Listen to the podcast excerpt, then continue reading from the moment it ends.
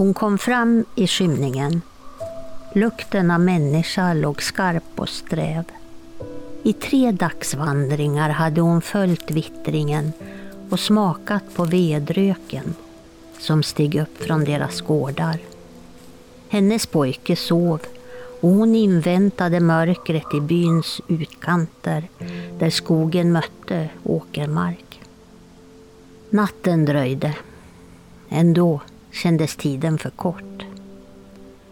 Det lyste i några fönster men bara ett hade lämnats på glänt.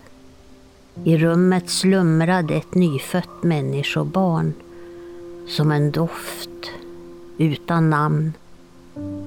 Idun höll sitt eget knyte, hennes trollunge som snart skulle vaggas i spetskantat linne och mättas vid ett främmande bröst. Skulle han minnas hennes famn? Det var hennes lott att uppfylla de gamla släkternas förbund. Besvärjelsen var enkel. Att förväxla, förtrolla. Det var saknaden som skulle bli svår. Hon vände hemåt i gryningen. Bytingen var klenare än sin bytesbror. Vägde nästan ingenting. Han skulle behöva sin trollmor. Att ta en annans plats och ge upp sin egen, det var ingen enkel sak att bära.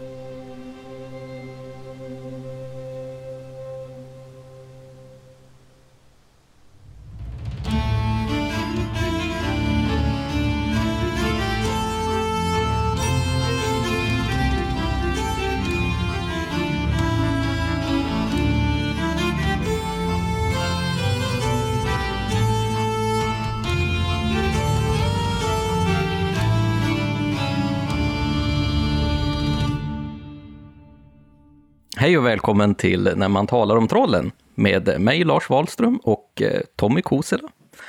Eh, idag ska vi prata om ett... Eh, vi ska egentligen prata om två olika fenomen inom folktron och våra sägner och sagor. Och här i introtexten som vi hade här så fick man en liten hint om kanske vårt första ämne som vi ska prata om idag. Och det är då bortbytingar. Och i den här introtexten som eh, min kollega Sara Boström har skrivit så vände vi lite grann på det man ofta ser i våra nedteckningar om bortbytingar och att här fick man en inblick i hur det skulle vara att ge bort sitt barn till en människa och ta människans barn. Det är alltså ur ögonen på ett troll. Eh, men Tommy, du kanske kan förklara lite för oss eh, vad en bortbyting är för någonting i lite korta drag.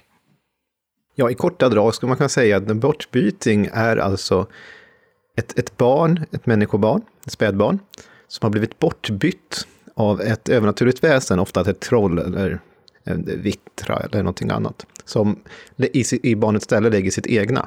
Så att ja, trollet, om vi säger att trollet kommer med sitt, sitt barn och lägger där människobarnet där och stjäl människobarnet. Det är i korta drag vad ett, eh, en bortbyting är, eller en byting. Men, men eh, hur, hur, vet man att man har fått en bortbyting? Vad har en bortbyting liksom för, för kännetecken egentligen?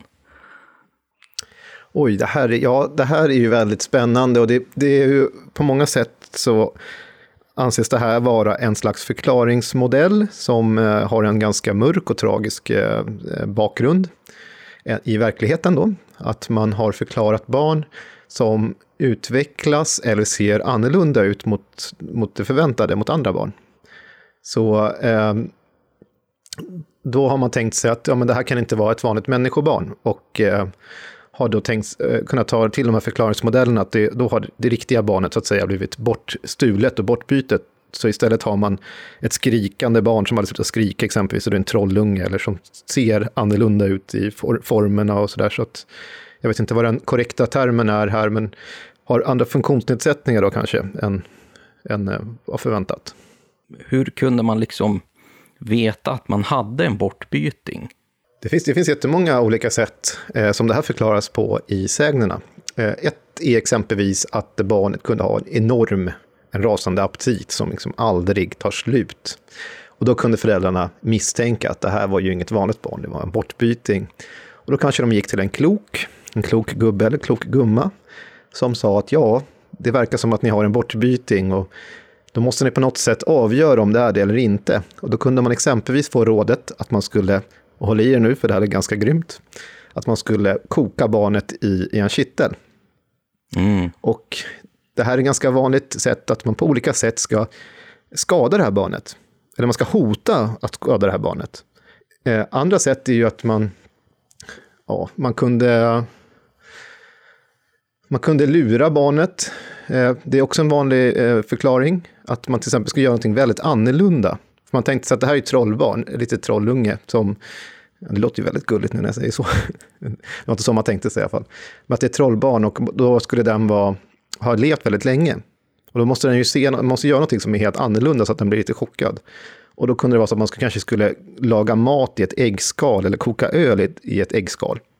Och så skulle man gå därifrån och gömma sig och titta. Och då skulle det här barnet på något sätt eh, reagera över detta och säga någonting som att jag har sett sju ekskogar växa upp och ruttna ner, men jag har aldrig sett någon koka öl i ett äggskal. Och då visste man ju, ja, då är det, då är det, det är ingen, vanligt unge, ingen vanlig unge, utan det är trollunge. Jag har hört en variant också när eh, eh, man skulle koka gröt i en fingerborg.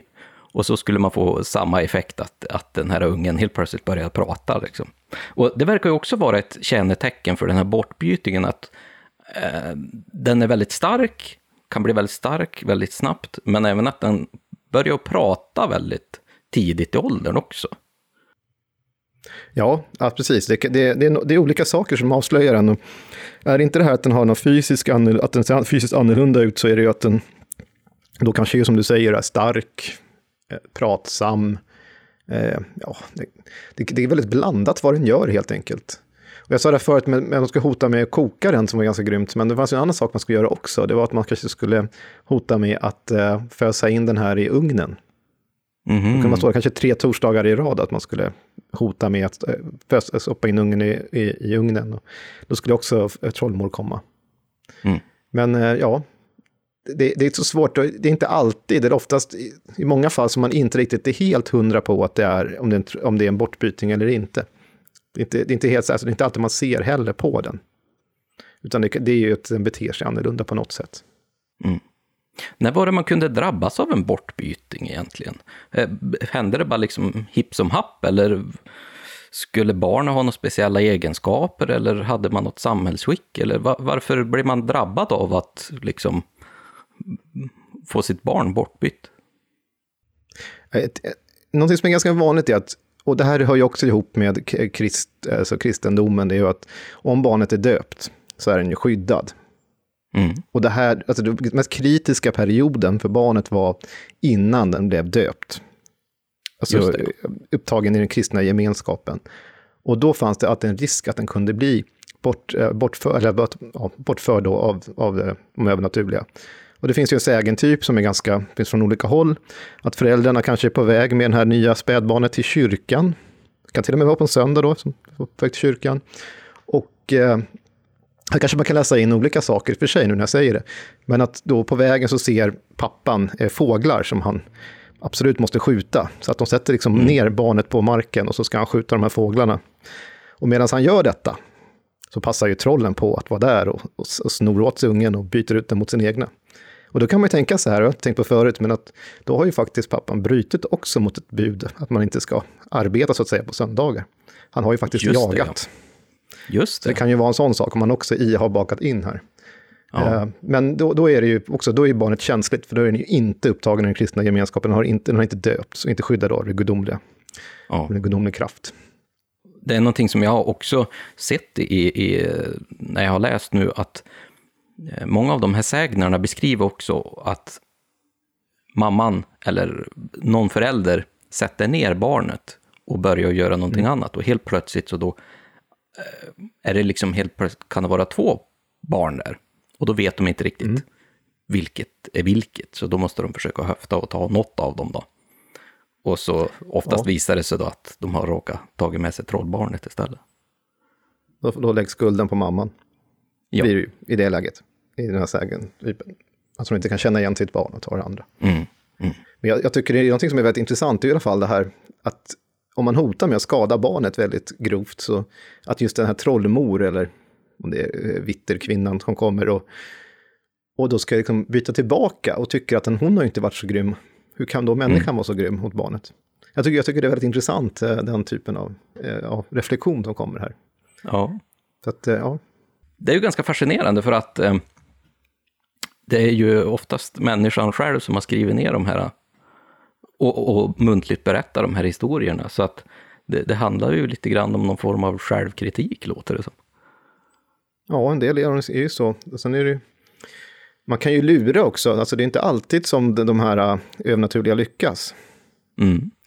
Och det är, det är också i flera sägner runt om i landet som finns det exempelvis att man eh, fick nys om att trollen kanske skulle komma och stjäla barnet. Och då kunde man istället för alltså, ta undan sitt barn ifrån eh, vaggan eller något sånt där och så lägger man en kvast där och klär den. Just det, ja. Och då, ja, och då kommer troll, trollet dit och stjäl och, och, och det här äh, kvasten istället och, sen, och lägger sitt barn istället och sen kommer hon och hämtar hem den för att då förstår ni vad som har hänt. Jag gillar de där historierna för att man får se lite grann att eh, kanske trollen är lite lättlurade. Eller så ser de väldigt dåligt för att eh, och ta skillnad på eh, ett människobarn och en kvast känns som att det borde vara ganska enkelt.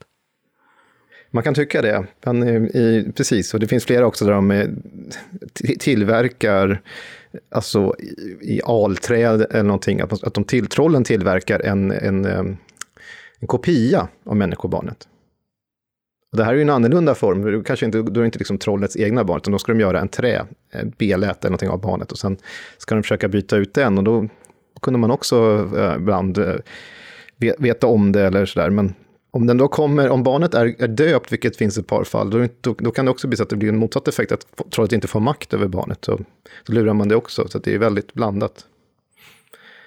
Men det, det här är ju ändå någonting som inte bara har berättats sägner om, utan det är någonting som faktiskt har eh, skett. Så mycket, eh, att, att folk har tänkt sig att barn är bortbytingar. Jag vet att till och med i eh, Martin Luther exempelvis har ju skrivit om detta. Han var ju fast övertygad om tron på motsvarande bortbytingar i Tyskland, Just det, ja.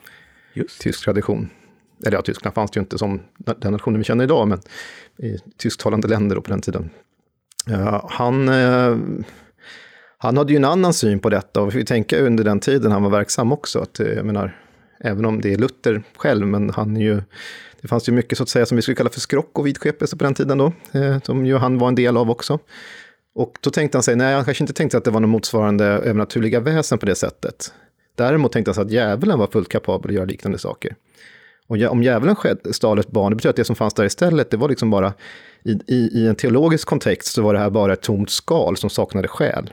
I förlängningen så betyder ju även detta att det här var, eftersom det bara är ett tomt skal utan själ, eh, låter och rör sig sådär, så, så är ju det också någonting som går att göra sig av med. Mm. Så att du, du har en ganska mörk sida på detta, av detta också. Man fick liksom ett verktyg av kyrkan att faktiskt kunna göra sig av med barnet och kanske döda den eller eh, köra ut i skogen eller vad som helst. Liksom. Ja, precis, för den räknas ju inte då som en riktigt barn.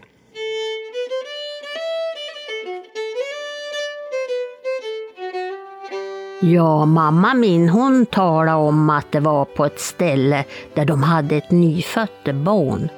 Och där piga fick höra att det var en röst som sa Nu när de har somnat ska vi gå och byta bona med dem. Då gick piga in och klädde ut en kvast och la dit i vagga och så läste hon över bona och tog till sig det där i sänga. Då hade de kommit och bytt. Men det dröjde inte lång stund förrän de var där och bytte tillbaka igen för då tycktes de väl ha fått för dåligt. Och det där, ja det hade ju hänt inte långt från mammas hem. Hon talade också om att det var på ett annat ställe där det var ett barn som hade blivit bortbytt. Pojken som de fick istället hade de haft kvar tills han blev en 30 år och han bara grinte och var så underlig. Ja, mamma min såg han och. Men så var det en gång de var till en trollgubbe och han sa att de skulle elda upp in i bakugn och häva in han dit. Och de skulle göra det. Men när de skulle stoppa in han i bakugn då kom Vittera och tog igen han. Han bara försvann. Men då stod deras egen pojke där istället och då var han så stor och grann och alldeles riktig. Ja, det var ju Nyby, Vännäs det där var. Och det var ju rakt en riktig vitterby. Ja, där hade vi en sägen ifrån eh, Västerbotten, eh, i, faktiskt ifrån Vännäs. Och det är lite grann i, i närheten av eh, både Eva och mina trakter, så att eh, vi valde lite grann att eh, läsa in den på dialekt. Och jag tyckte det passade ganska bra. Eh, det som är roligt med den här eh, sägnen är ju att den har tagit upp lite grann redan av det som vi har sagt. Eh, just det här med att man skulle skicka in bortbytingen i ugnen och att den kanske betedde sig lite annorlunda. Det var därför man tyckte att den, det kan inte vara mitt barn. Och att det avslutas med att det kommer Vitera då, Vittran, som säger att nej men så där kan du ju inte behandla mitt barn, för jag skulle ju inte behandla ditt barn sådär. Just i, i Norrland så är ju Vittra då, som ett kollektiv, och det kanske man ska tillägga här att de som kommer och stjäl barn, är nästan i, i svensk tradition är ju, är ju sådana här som är, lever i kollektiv, som ju faktiskt har barn själva. För annars blir det ju inte lika ja, det, blir, det skulle bli konstigt med barn, sådana som väsen som inte brukar ha barn som typ skogsrå eller något sånt där. Så det är ju Vittra då i Norrland och Vittra är ju som eh, är ju en så kallad traditionsdominant. Det är ett väsen som har dragit till sig drag från många andra, som berättas om andra väsen på andra håll i landet. Men över hela Norrland så är det liksom Vittra som mycket tar de här funktionerna. Så troll är ju det som man ser kanske i Mellansverige då istället. Och i andra fall kanske vi ser vättare eller någonting. Vittra och vätte är ju egentligen samma ord i grund och botten. Men ja, det är spännande, för som du säger så har vi ju ugnen här. Man hotar med att skyffla in ungen i, i ugnen. Det är gråtande barn också. Och då kommer jag att tänka på en annan sak, att det finns ju också en sägentyp där en pappa ser troll, alltså trollen komma och byta bort ungen, deras unge, med ett, trollbarn. Mm -hmm. Och då säger han till sin fru att hon får inte ge den här, alltså bröst, ge mjölk ur bröstet. Nej. Eh, för då kommer den ju liksom bli fast, alltså trollungen. Ja. Och, eh, men sen så, då, i, det, i den här varianten så ser de till att barnet gråter så mycket som möjligt hela tiden. Mm. Och eftersom den inte får någon, någon, någon bröst då så blir den ju väldigt, då gråter och gråter och mm. gråter. Och då, då, det är så den liksom förlöses, alltså den, då kommer ju trollmor och säger att vill ha, vill ha tillbaka sin unge och ge tillbaka deras. Så jag kommer bara tänka på det när det gäller gråtet. Annars kan just gråtet vara som i den här varianten, att det är kanske är ett tecken på att vi kanske skulle säga att det är kolik eller någonting idag, men då kanske det var, nej, det här måste vara trollbarn. Så, sen är det en rolig grej som vi kanske ska ta upp här, för jag tror många lyssnare kanske tänker på det, i att, mm som vi hörde redan i introduktionen här, eh, nu var det fri från trollens perspektiv, men även idag så är det faktiskt ganska vanligt att många föräldrar kallar sitt barn för en liten trollunge. Och då är det ju mm. inte något negativt, utan det är ju, man tycker att den är så gullig så det är en liten trollunge. Men det är lite, lite roligt att se, precis som vi pratade förut om det här med hur väsen kan bli gullifierade och vi tycker liksom att det som en gång var farligt idag används liksom som, ja, det är lite sött det där. Trollunge är väl gulligt, ser lite vild ut med rufsigt hår och sådär kanske. Jo, jag har faktiskt använt det där själv när, eh, när jag var yngre och ville lura i mitt, min lillebror att han var en bortbyting, för han såg faktiskt ut sådär, precis som du säger, han var som ett liten trollunge liksom. Och då var det roligt att försöka lura i honom. Jag tror inte det funkar riktigt, men eh, det var ju ett försök i alla fall. Vi har smakat lite på den eh, lite tidigare, men vilka var det egentligen som brukar eh, komma med bortbytingar? Vi har pratat om att det kanske var troll, det kunde vara vittra. Fanns det fler? Ja, det, det är oftast det är de, de underjordiska. Och vittra är ju då en form av underjordiska. Så det är mm. vättar mm. eller de små under jorden eller någonting annat. Eh, som, som ju stjäl barn och byter ut mot sitt egna. I en del fall, och det är inte vanligt i Sverige, men jag, jag sa ju det här om Luther, att det kunde vara djävulen som bytte ut. Men det, har inte, mm. det är ingenting jag ser i svenska, svenska materialet annars. Uh, nej, men det, det är nog just de här väsena, för att det är inte, jag har inte sett dem tomtar, jag har inte sett dem skogsro och eh, andra väsen och inte Näcken och sådär. Det är ju ensamväsen också, de lever ju inte i familj. Och därför finns det, skulle det vara helt ologiskt att de överhuvudtaget kommer och byter bort barn. Mm. Och ja, jättar är väl någonting som är på gränsen, men de, de brukar ju också vara någonting som hör det förflutna till och ingenting som lever samtidigt som människan. Så, så vi får nog tänka oss att det är just eh, vittra i Norrland och, och troll eller andra, andra underjordiska i resten av Sverige. Mm. Hur utbrett är själva fenomenet utomlands till exempel? Det, det är också beror på vad man menar. Att, det är ju någon form av väsen som stjäl barn finns ju på många, på många håll runt om i världen. Och om de byter ut mot sina egna, det är väl olika. I Europa i alla fall vet jag att det finns den här eh, föreställningen ut, utspridd. Ganska stor i, alltså keltiska, i länder som Irland och Skottland och sådär. Gammal. Mm. Där finns det, är fairies och changelings, det är ganska vanliga eh, företeelser där. Men då behöver det inte bara vara barn som stjäls, utan det kan även vara alltså, vuxna människor som kan bytas ut på ett annat mm. sätt. Och då kommer vi, tangerar vi nästan nästa tema vi kommer komma in på senare då, i det här programmet. Eh, och changelings, eller alltså fairies, är ju på många sätt väldigt lika. Det är ju ett ord som är väldigt svårt att översätta. ska vi säga att fairy här har ingenting att göra med tingeling och de här små flygande älvorna som har blivit snuttifierade också, utan det här är ju mera likt väsen överlag, eller underjordiska då, som eh, mm. lever som en slags eh, parallell tillvaro till människan, precis som underjordiska här gör. Eh, och ibland så interagerar de med oss. Mm. På gott och ont. Oftast är de inte intresserade alls.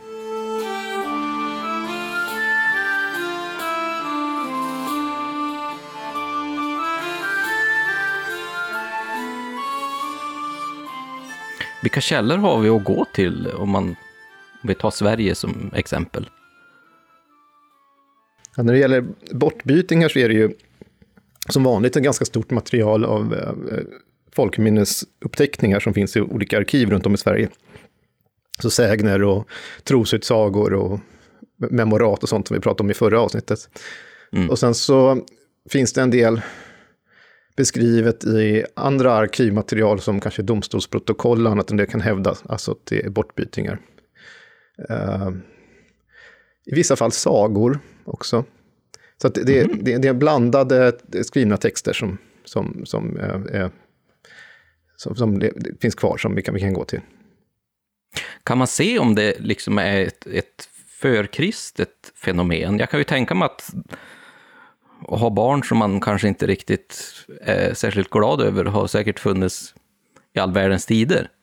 Ehm, men är det något som har kommit in med kristendomen eller har det funnits tidigare också?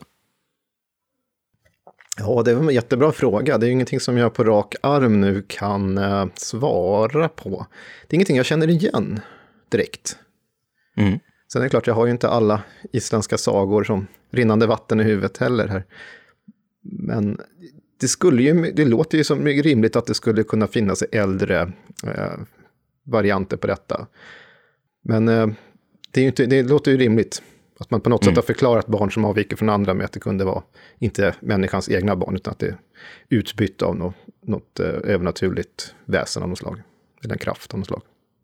Vi har ju fått väldigt mycket härliga frågor och kommentarer inför det här avsnittet. Och en eh, kommentar var lite rolig, för den fick vi från en kille som heter Jakob Lindström. Och han skriver så här, Hej Oknytt och tack för en fantastisk podcast. Jättekul att ni väljer att ta med segment bortbyting, då det finnes en skrift från min farmors mormors bror bevarad om just det här. Och då fick vi en eh, ganska rolig text och jag, jag tänkte att vi skulle spela upp den så eh, kan vi få höra hur den låter.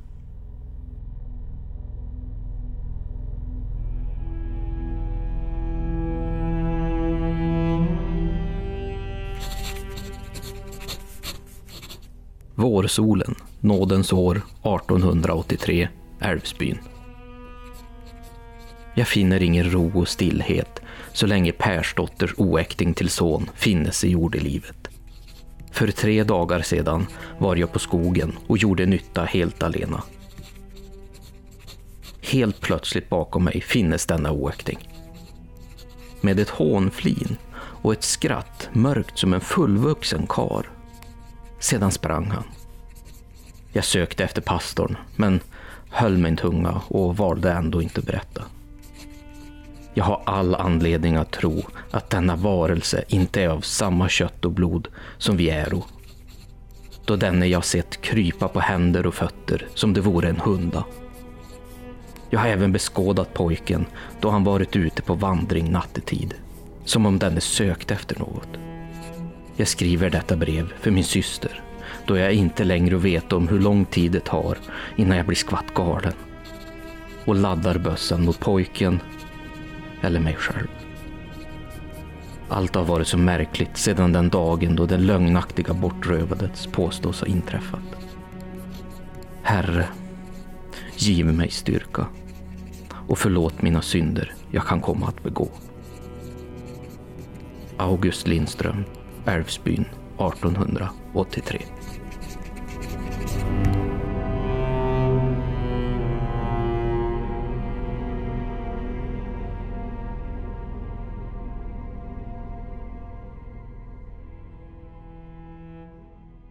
Ja, det här var ju en lite rolig text som vi fick här ifrån Jakob. Och man förstår ju att det handlar om en eh, bortbyting och det här skulle då vara en, en text som eh, hans farmors mormors bror hade skrivit ner.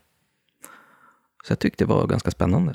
Det här är ju en oäkting då, som det sades också. Det får mig osökt att tänka på berättelser av olika slag där det är någon som avviker från gängse mönster, även som vuxen då, som kan vara, då också kan förklaras vara, kanske inte helt mänsklig. Det är någonting annat mm. som avgör att personen är som den är. Och här kommer vi kanske in, och det är inte riktigt, ja, nu, nu bara skenar jag iväg här i tankarna, men jag tänker på just sådana personer att de är, inte alltid kanske just bortbytingar, men att de är kanske resultatet av en uh, unionen mellan, säg ett skogsrå och en människa.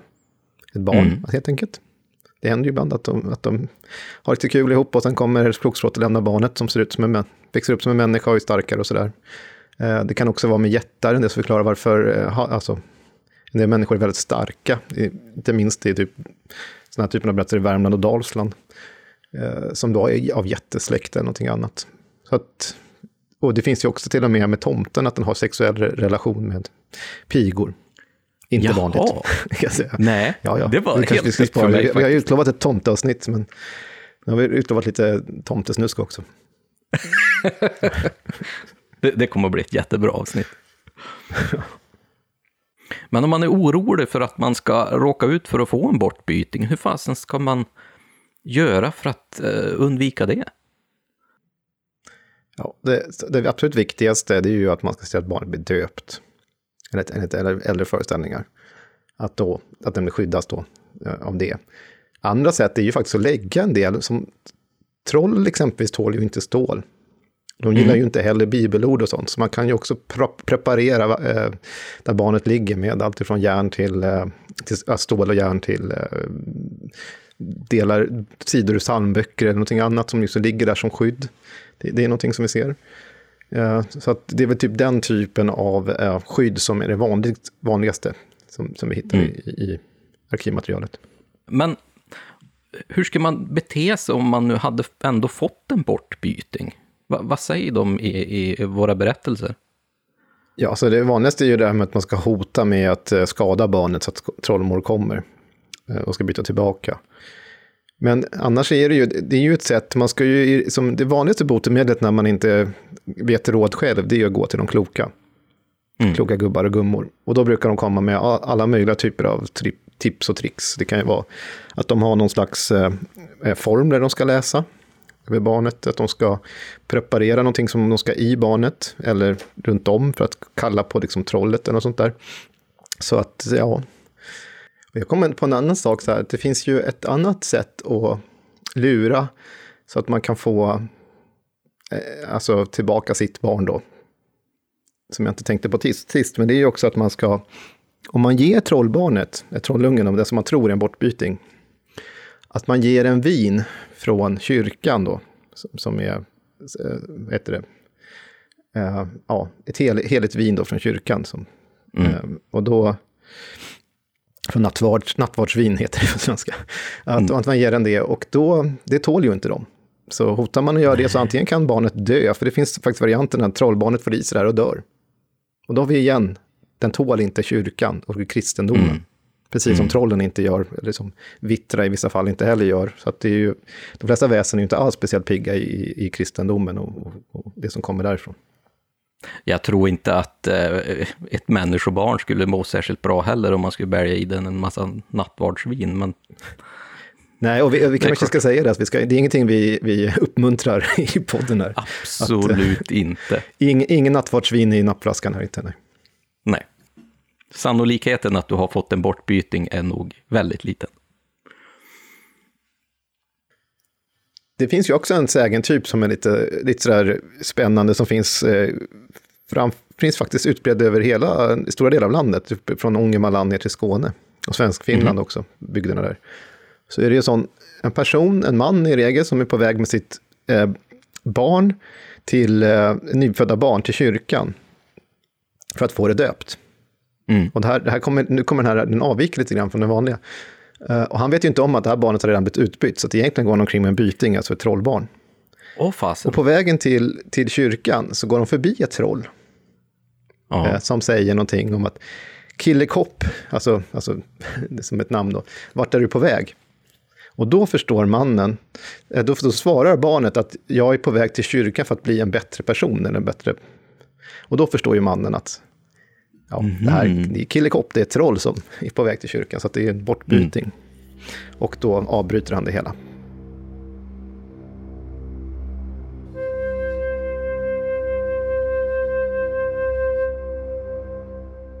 En kvinna i Karslätt i Ormsö hade ett vackert, rint och friskt barn.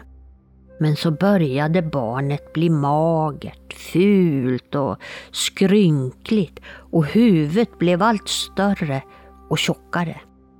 Dessutom fodrade barnet mer och mer mat, var inte nöjd med mjölken och även om de gav annat att äta så räckte det inte till.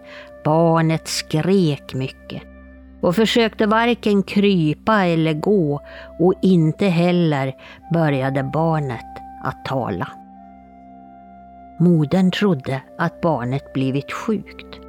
Men då hon visade sitt barn för några grannkvinnor så sa de att det kanske var ett bytesbarn och rådde henne att en torsdagkväll efter solnedgången piska barnet med kvistar från en al, nämligen med skatarna från tre alar som hon först tigande brutit av och sedan burit hem under sin vänstra arm med spetsarna vända mot hemmet.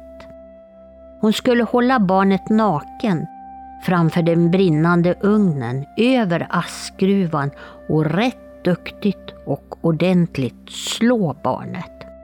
Och om detta inte hjälpte skulle hon upprepa samma sak ännu två gånger, sa grannkvinnorna. Men då kvinnan inte hade hjärta att behandla barnet så grymt så blev barnet tre år gammalt. Det skrek och åt mycket och blev allt mera oformligt. En söndag morgon lagade kvinnan mat, ställde in en kittel med kött på bordet i stugan och gick in i köket. Så hörde hon buller i stugan och tittade genom hålet i dörren.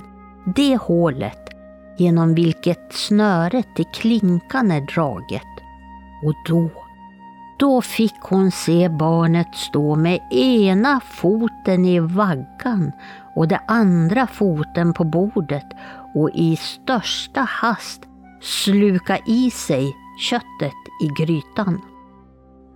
Då hon åter kom in i stugan låg barnet lugnt i vaggan. Nu bestämde hon sig för att följa grannkvinnornas råd och nästföljande torsdag piskade hon barnet rätt duktigt med alkvistar framför den brinnande ugnen. Det enda som hände var att barnet skrek förfärligt. Därför upprepade hon samma sak en andra och en tredje gång. Då hon piskat barnet den tredje torsdagen hörde hon en röst utanför fönstret. Varför hanterar du mitt barn så grymt?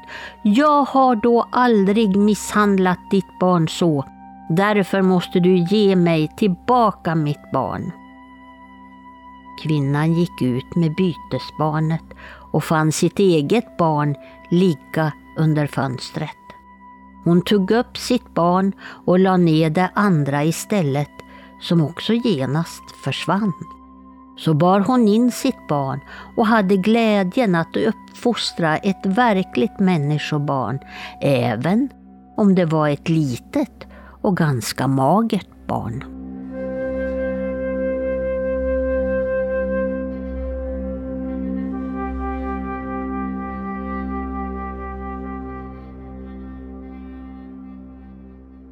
Det här var en nedteckning ifrån Estland faktiskt.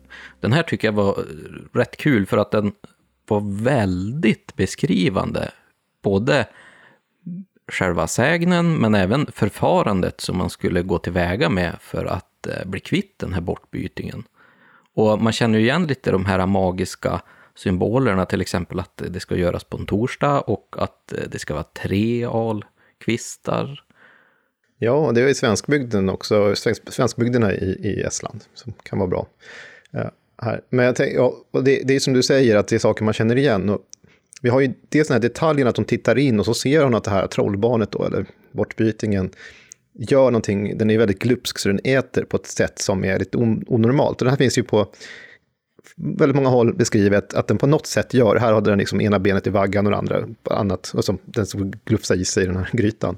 Det finns liknande med korvar, att den liksom blir väldigt lång och käkar saker och trycker i sig jättemycket mat. Ett sätt också man kunde hota den då, det var att säga att all mat i förrådet var slut, för då skulle den också sticka därifrån, för det fanns ingenting kvar att äta. Det kunde modern göra. Men så var det en annan sak här som också är intressant, det var det där med att man skulle piska barnet med alträd mm. i det här fallet. Mm. Alen återkommer ibland, men jag tänker just på det här med piskandet. Det, det är en, en vanlig sägentyp som finns. Uh, det är ju, och den är också känd från Lappland och Norrbotten, i norr till Skåne i söder, liksom, och även i Finland och svenskbygderna där. Mm. I att uh, man skulle gå med bortbytingen tre torsdagar, då såklart, uh, till en korsväg. Och där skulle den piskas. Okay. Och då, slutresultatet var ju då att äh, ja, moden, den riktiga trollmoden, skulle komma och säga att man är så grym och vill byta tillbaka. Mm. Det, det, det, är ett sätt. Så flera av de här sakerna finns ju här i den här estländska varianten. Jättespännande. Ja. ja, just det här piskandet är väl ett ganska enkelt sätt att få en unge att ja, må jäkligt dåligt och bli grina. Så att, och då är som, som dess riktiga mor så vill man ju naturligtvis inte att ett barn ska bli liksom illa behandlat. Notera att trollen här har ju känslor, moder, moderkänslor. Ja, absolut. Det är ganska intressant. Det finns faktiskt en annan jag tänkte på som är på gränsen till också lite rolig när man ser att trollungen är lite annorlunda. Mm. Det är ett troll, en trollgumma som är på väg att byta ungar och vi pratade om det förut också, att det kunde ligga två. Mm. Men hon liksom misslyckas, så att hon hinner inte stjäla människungen. Så att i, i vaggan så ligger det både hennes barn och eh, människoungen, alltså den riktiga. Okay. Och mamman, känner, alltså människomamman, känner inte ja. sen igen, för att trollmodern är borta då, känner inte igen vilken som är vilken. Så hon vet inte, vilket är mitt barn och liksom, vad är den här nya, vem är det nya, liksom, hur ska jag särskilja dem åt? Mm. Och då går hon till, också till en klok och som säger någonting om att, eh, ja, du måste lura. Eh, och då tar reda på, liksom, locka fram eh, någonting ur trollbarnet. Och då ska du ta ja, lite olika, men då ska du ta en orm, en levande orm, och lägga på någon, någon deg eller liknande. Eller, nej, inte deg, utan i en liten vet du, behållare av något slag. Och mm. så lägger du ett filt eller någonting över. Och sen ska de här barnen få komma och lyfta på filten, var för sig. Och, och först ser ju människobarnet det och blir livrädd. Det är en orm. eh, men trollflickan, eller som det är en flicka i det här fallet, eh, lyfter på den och säger att det där är ingenting, utan det där ser bara ut att det, typ, det är farfars hårstrå eller någonting. Och då förstår ja. man, det här är trollungen. Vi har ju även fått in en hel del frågor och eh, fina kommentarer inför det här avsnittet om bortbytingar och bergtagna. Och vi fick ett eh, meddelande på Instagram från Mikael Kormin. Och med reservation för att jag troligtvis slaktade ditt namn nu, men det får du nästan leva med. Och eh, han skriver så här, jag har översatt lite, eh, lite snabbt. I nordvästra Ryssland så finns det inom folktron ett troll som heter Leshy. Det finns speciellt i närheten av Karelen och gränstrakterna emot Finland. Det här trollet har svarta kläder med stora glänsande knappar. Denna stjäl också från barn. Ibland kan barnet komma tillbaka om man ber tillräckligt för det i kyrkan. Det kan också komma tillbaka från trollet om byns trollkunniga gör avtal med djävulen. Och ungefär samma tro finns i Perm och i Sibirien, skriver han. Är det här någonting som du känner igen, Tommy? Ja, alltså det här är ett troll som jag har hört talas om, en, en, en, eh, figur jag har hört talas om förut. Men det är ju intressant för att det är ju såklart vi har, vi har ju en del likheter här eh, i den ryska traditionen med, med det som finns här i Sverige också. Vilket på många sätt är väldigt intressant. Det som kanske är någorlunda annorlunda här är att det är djävulen som verkar ligga delvis bakom eftersom de trollkunniga som kanske motsvarar våra kloka då, ska då eh, göra eh, upp med djävulen för att få tillbaka barnet. Samtidigt som man, man ber för det, så att det är ju, antingen så gör man ett, ett, eh, ett avtal med djävulen, eller så ser man till då genom den gudomlig försorgen och sånt, att, att eh, den tvingas tillbaka då eh, till, till människan. Det känns som att det är en liten mix av, av eh, den mer äldre folktron och, och den nya, eh, nyare kristendomen. Ja, precis. Jo, men det, det är nog precis så där i detta fall. Och det är nog i många fall så också i en del folkliga föreställningar var det även härifrån, att vi har eh, en del äldre motiv som är också som samsas med yngre motiv, då från, inte minst från kristendomen.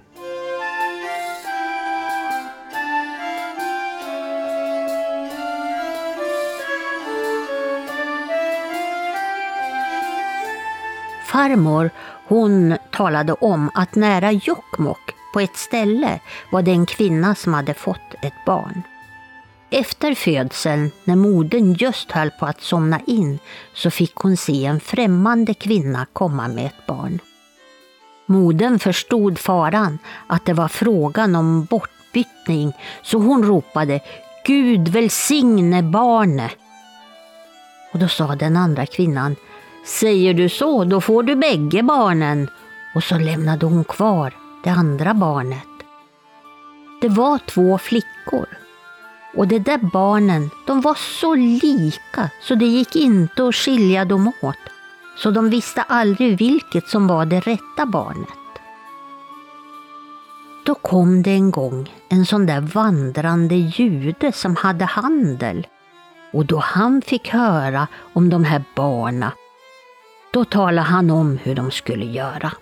Han sa att de skulle göra en deg och så lägga en orm på degen och så skulle de be flickorna bära ut ormen. Då skulle de nog få se vilket barn som var det rätta. Och det där folket de gjorde så. Men en av flickorna blev så rädd för ormen så att hon gömde sig, men den andra var inte rädd för ormar. Hon bar ut den och då förstod de ju att det var det främmande barnet. Men kvinnan sa att har vi haft henne så länge så ska vi behålla henne sen också. Farmor sa att det där främmande barnet, det var ett väldigt snällt barn.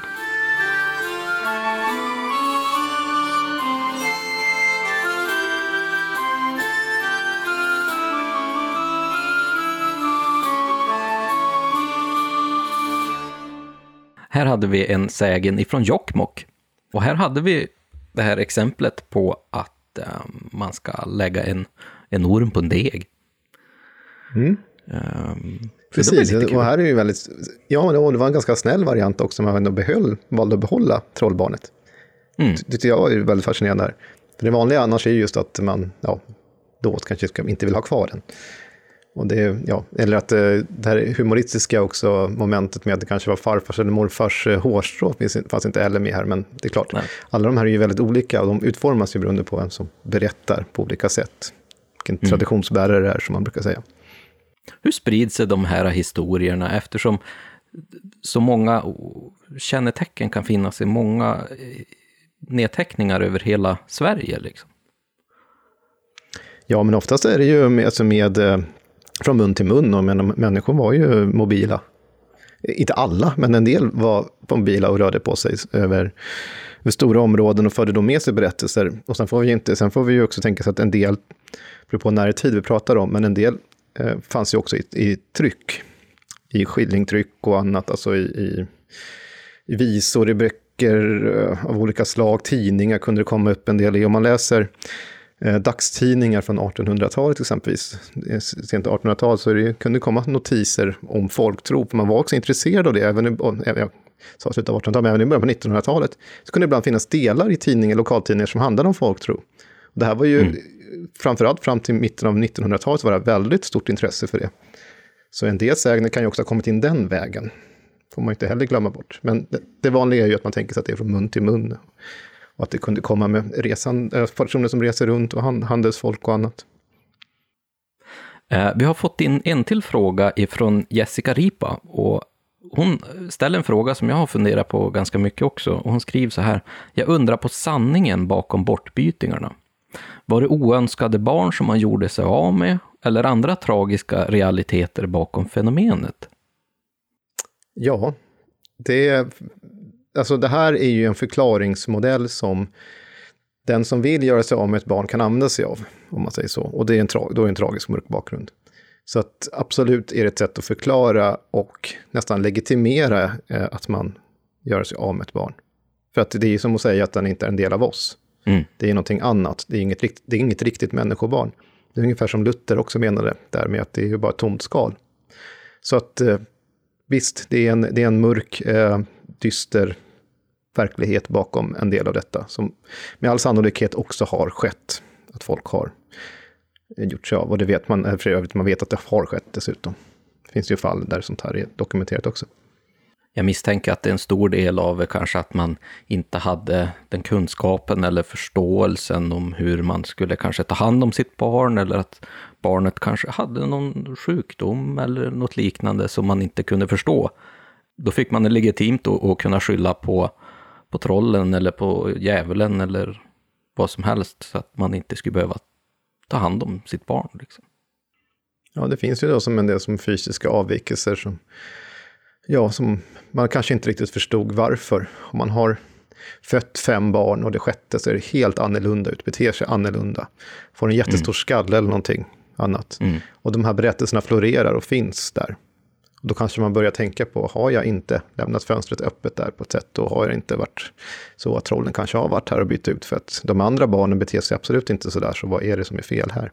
Och då skulle den här typen av berättelser berättelse kunna användas för att förklara det.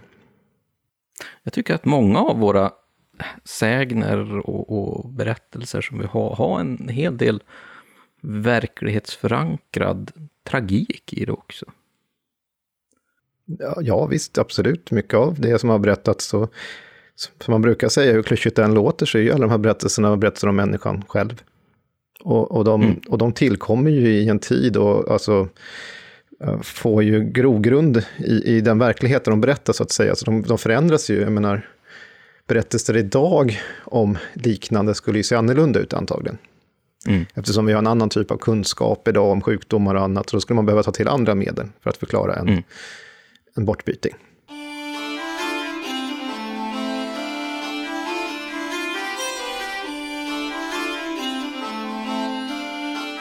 En bondhustru vid Tängelgården i Lärbro var ute på åken och arbetade och hade sitt lilla barn med sig.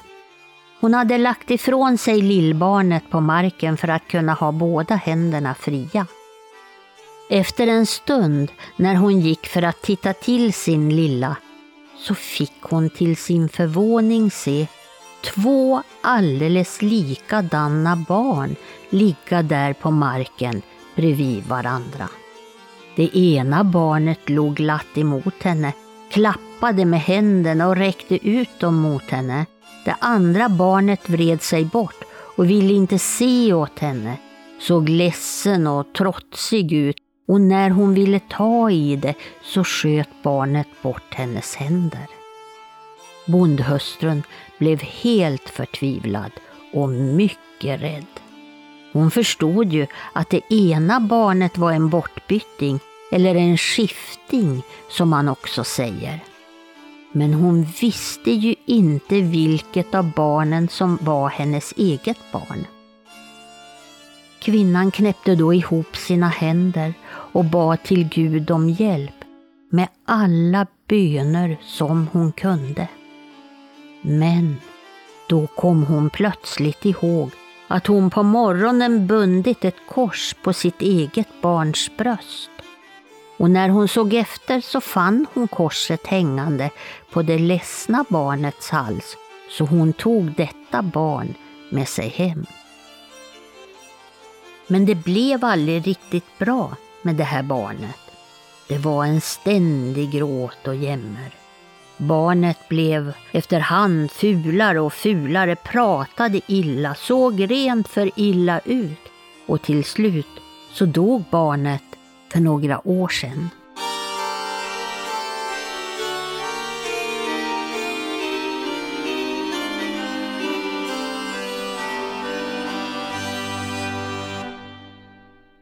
Här hade vi en, en sägen ifrån Gotland, eh, ifrån Lärbro.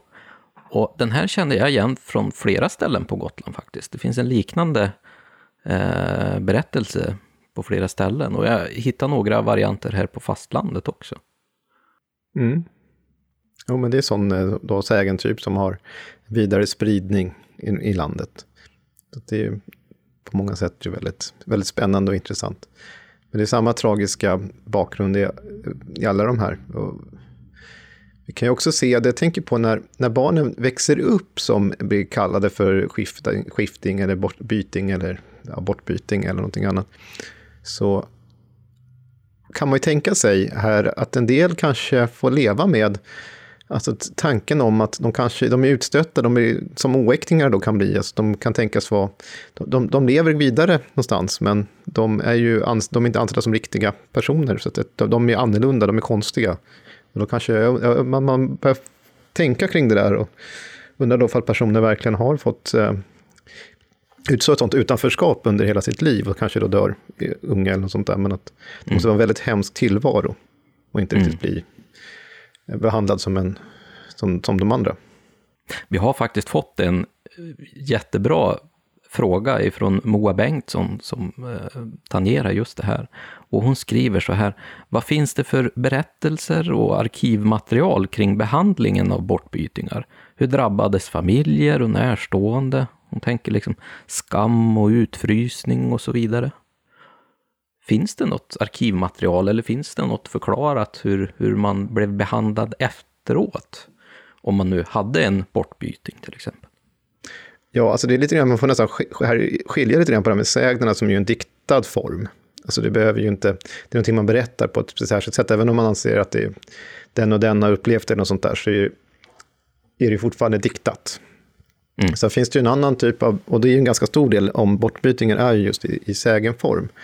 Och då är det inte säkert att, då är det ju ingen som kanske vet så mycket om vad som händer efteråt, för att det är ju liksom ett vandringsmotiv, så att säga, vandringssägen. Mm.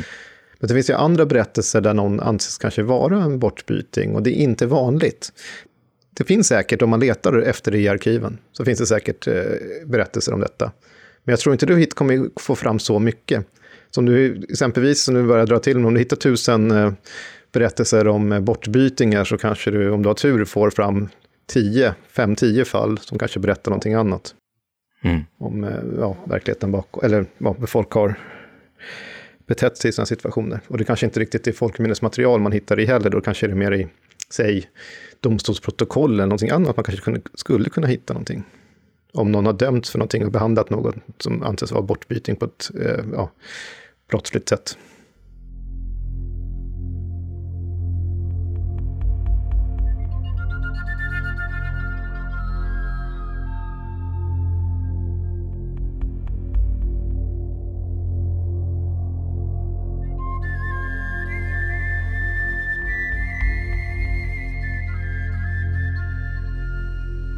Kullergubben, det var en mycket girig gubbe och han samlade på sig stora skatter i berget där han bodde. Berget kallas ju än idag för Kullerberget.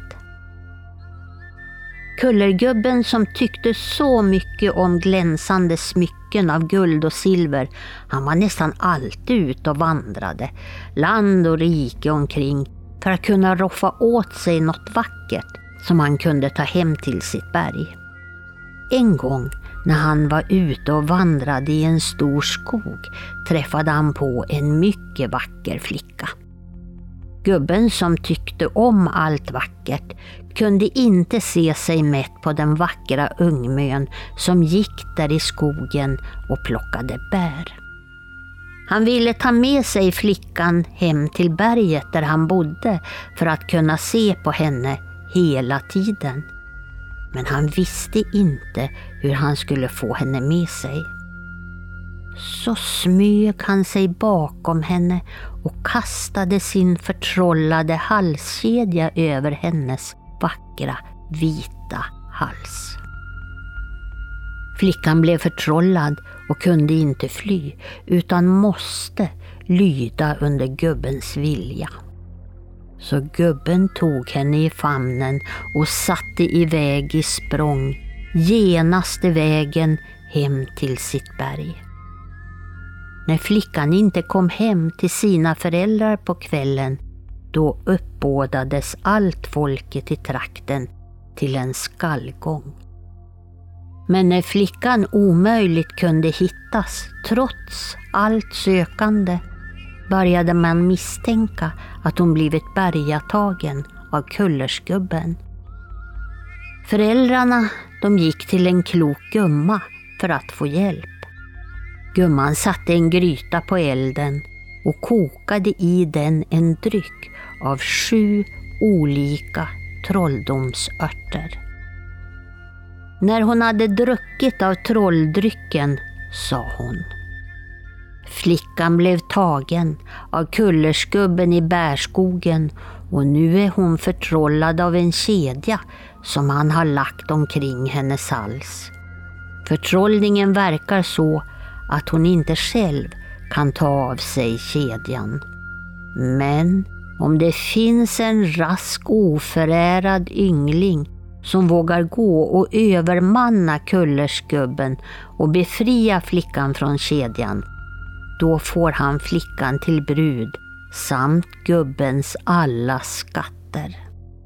Men kom ihåg att gubben ständigt vaktar sin dörr och att nyckeln till dörren ligger långt under en tuva, långt ute på Siggersta gärde.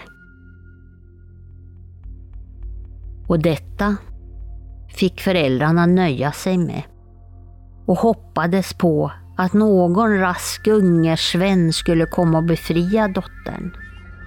Men flickan, hon är fortfarande fången och gubben, han vaktar sin vackra fånge lika troget än.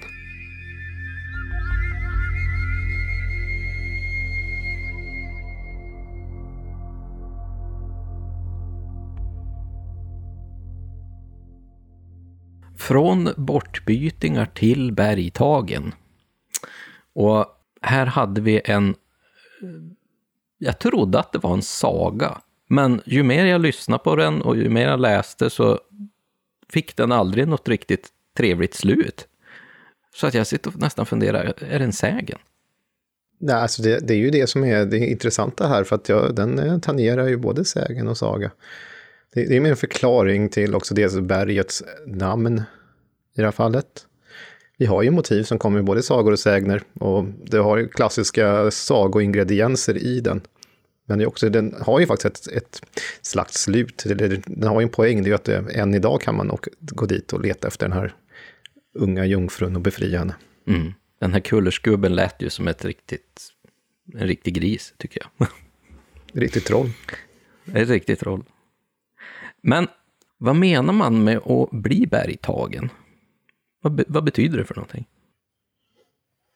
Ja, det är egentligen mycket enkelt. Det är någon som har blivit tagen in i ett berg, alltså kidnappad av de övernaturliga. Det här är ju ett... Eh, det här, det här är ju intressant, för det här är ett väldigt gammalt eh, motiv. Så vi har... Mm -hmm.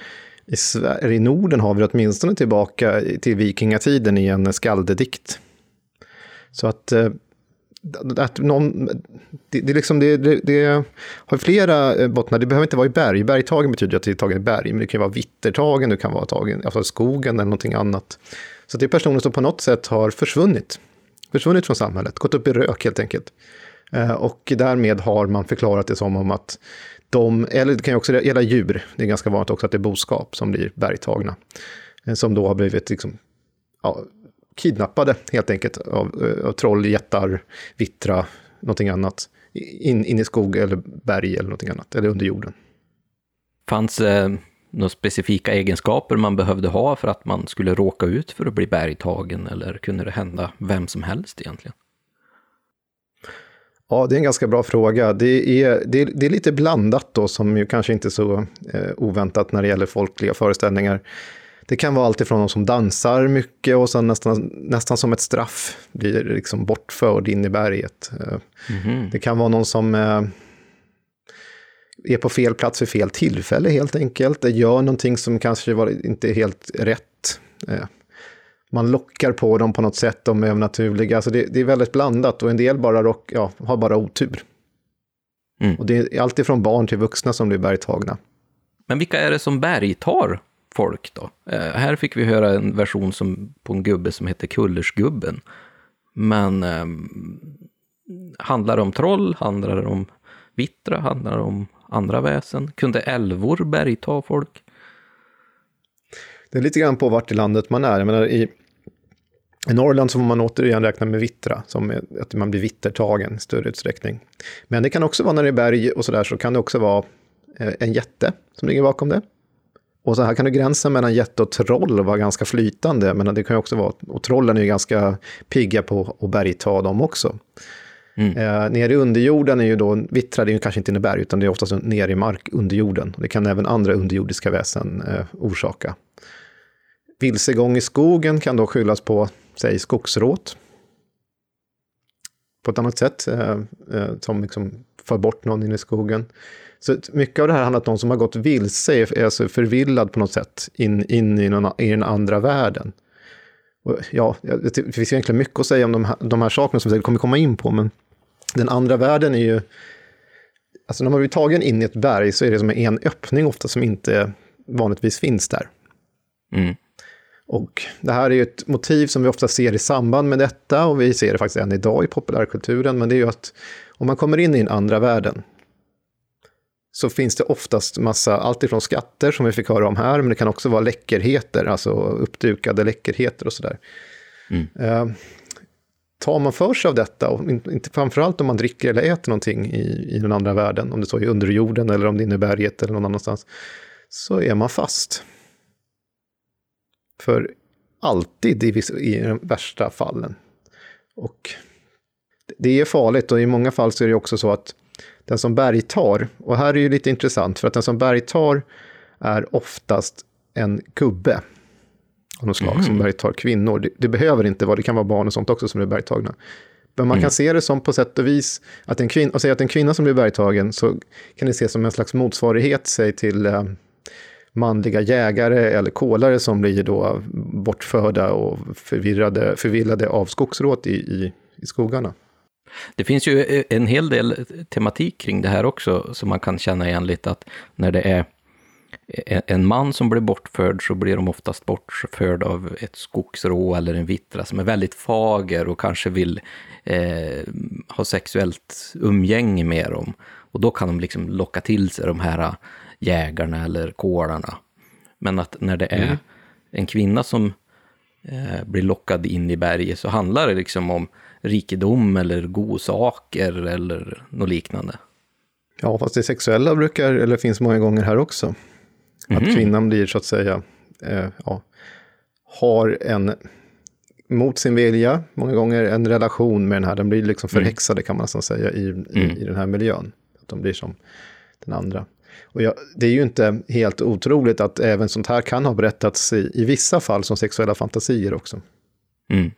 Det gäller både män och kvinnor här. Jag menar, en del berättelser om skogsråt är ju förmodligen av ensamma män som har fantiserat lite för mycket om kvinnor i skogen. Jag kan tänka mig, det här är ju en tid också, jag menar, det, eh, tillfälliga sexuella kontakter var ju inte tillåtna.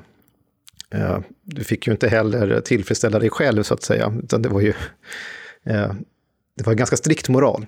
Så att människor eh, förmodligen hade väl all anledning att, att fantisera. Mm. Det är inte enda förklaringen, men det är en, för, en förklaring man måste delvis eh, räkna med i det här, när det just, just när det är de här erotiska motiven.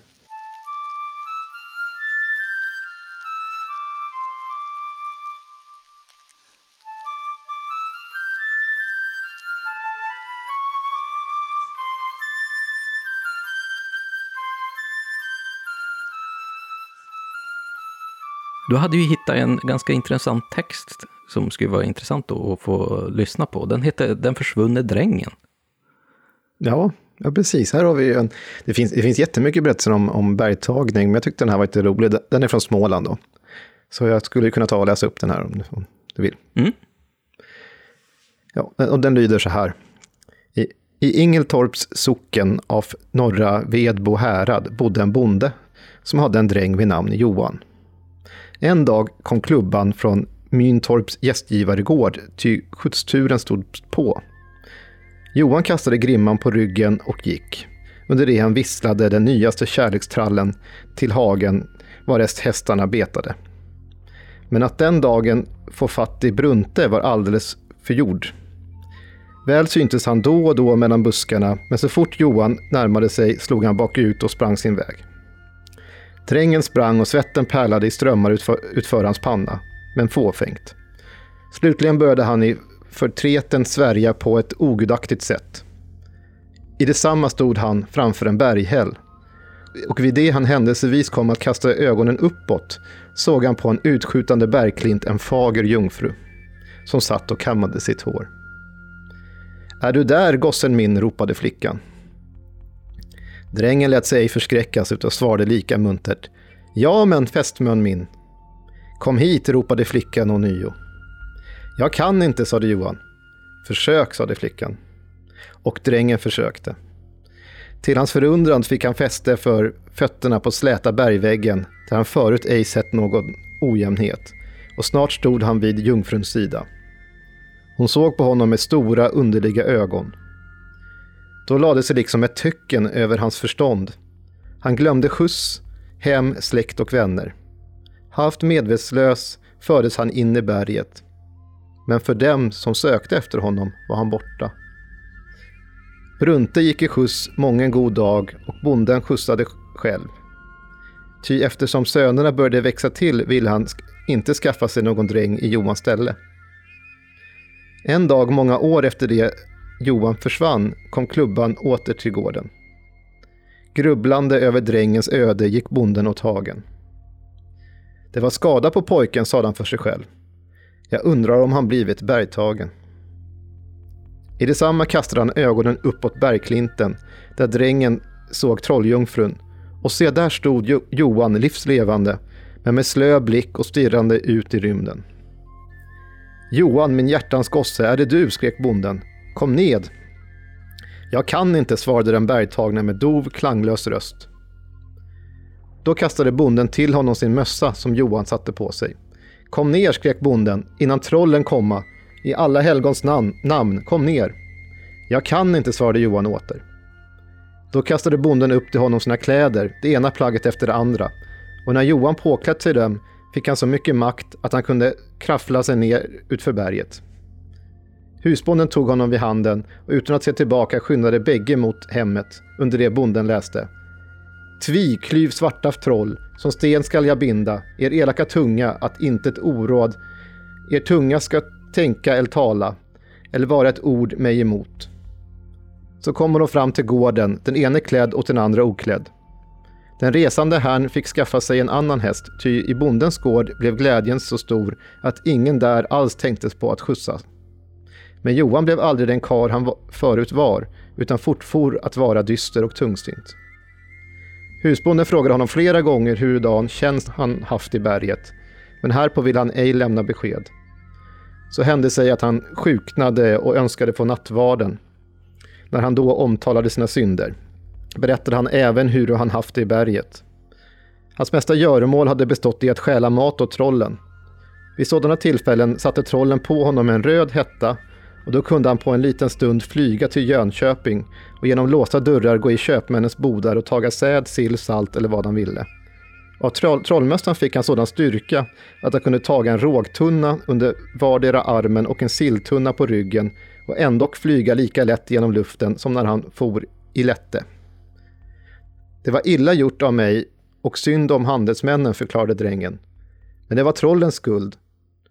Eh, funnits inte troll i världen så skulle varenda köpman vara rik har. Men nu får det undermål och så gör det konkurs, slutade Johan. Slut på den berättelsen. Den här, den här hör man att den är, lite, lite, den är ganska mycket litterärt bearbetad. Ja. Eh, den är inte, det här är ju inte en muntlig berättelse på det sättet. Men den är ju rolig, den innehåller ju många av de här ingredienserna som vi förväntar oss i, i, eh, i bergtagningssägner också. Mm, mm.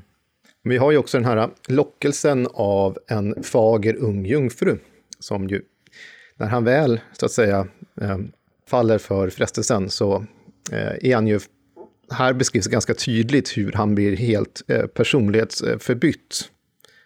Han, blir, han är inte längre Johan, utan det är någonting annat. Han blir liksom en helt annan person. Han blir liksom, ja, apatisk och liksom fast här. Någonting som är, är många gånger återkommande är att personen som har varit bergtagen, eller vittertagen eller någonting annat, när personen återvänder, om han nu gör det, han eller hon, så är det nästan alltid eh, så att personen beskrivs som personlighets... För, eh, om, alltså, den, har, den är inte samma person längre. Det är någonting som har hänt med personen. Den är galen, eller, an, eller annorlunda, eller apatisk, eller har en tom blick eller någonting. Och ja, förmodligen så är det ju någonting som också kan ha hänt. Säg att någon har gått vilse i skogen och varit borta på, på gränsen till liv och död under lång tid. Mm. Och slutligen kommit tillbaka eh, kanske lyckas överleva på något sätt, så kan det här också ha påverkat, eh, varit så stor frest, frestat psyket så pass mycket så personen är personlighetsförbytt, ombytt. Liksom. Att det är någonting som gör att personen inte är densamma längre. Vi finner det faktiskt i moderna sägner också, eller moderna berättelser idag, som vi kommer komma in på lite senare. Som vanligt så eh, ser det ut att finnas som det är en spår av sanning i våra gamla sägner.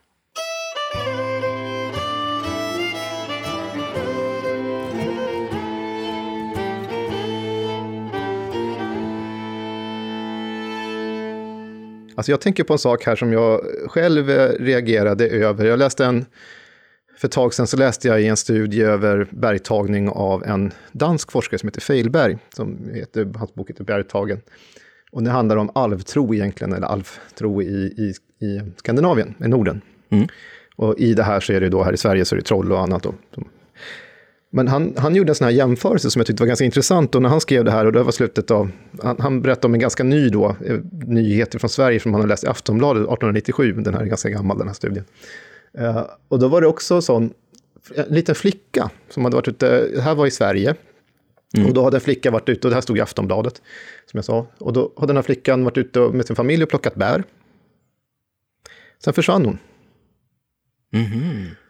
Och i han hade liksom ett senare reportage, eller när man kommer tillbaka till det här, eh, de gick skallgång och så vidare, men den här flickan hittades aldrig. Ja.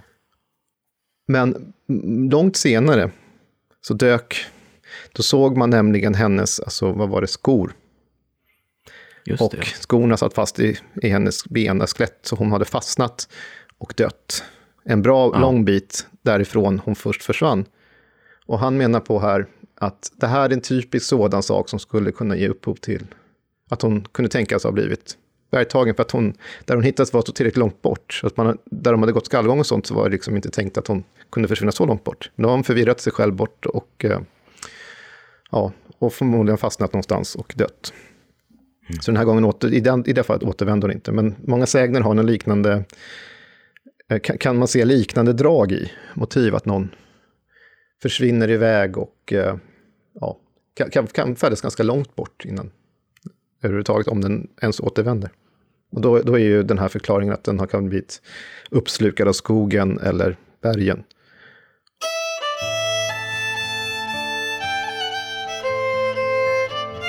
Det fanns en gång en pojke som vallade djur i skogen under hela sommaren. En dag då han var lite längre bort från byn än vanligt, då fick han se en jord med kor komma mot honom. Först gick en ståtlig kvinna. När hon kom fram till pojken hälsade hon och undrade om han ville börja i tjänst hos henne.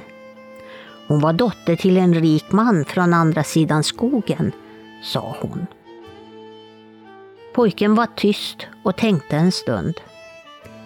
Då öppnade kvinnan en påse och visade honom en mängd guldpengar. De blir dina om du tar tjänst hos mig, sa hon. Då bestämde sig pojken och följde med henne. Men nu hade han tagit tjänst hos skogsfrun. Hemma i byn trodde man att vallpojken hade drunknat när han inte kom tillbaka hem. När pojken hade varit i tjänst hos skogsfrun nästan ett år, då hade han glömt bort både människor och Gud. En kväll då han satt ute i skogen och tänkte på guldet som fanns inne i berget fick han plötsligt höra ett ljud. Det var kyrkklockan som ringde in helgen. Klockringningen fick honom att minnas sitt gamla liv och han visste att om han blev i skogsfruns tjänst ett helt år, då skulle han vara helt hjälplös i hennes våld. Pojken tog fram sin kniv och kastade den över berget medan kyrkklockan fortfarande ringde. För det är då man kan få makt över trollen och deras skatter. Och det gick bra för den pojken. Han blev en både rik och mäktig man under sitt återstående liv.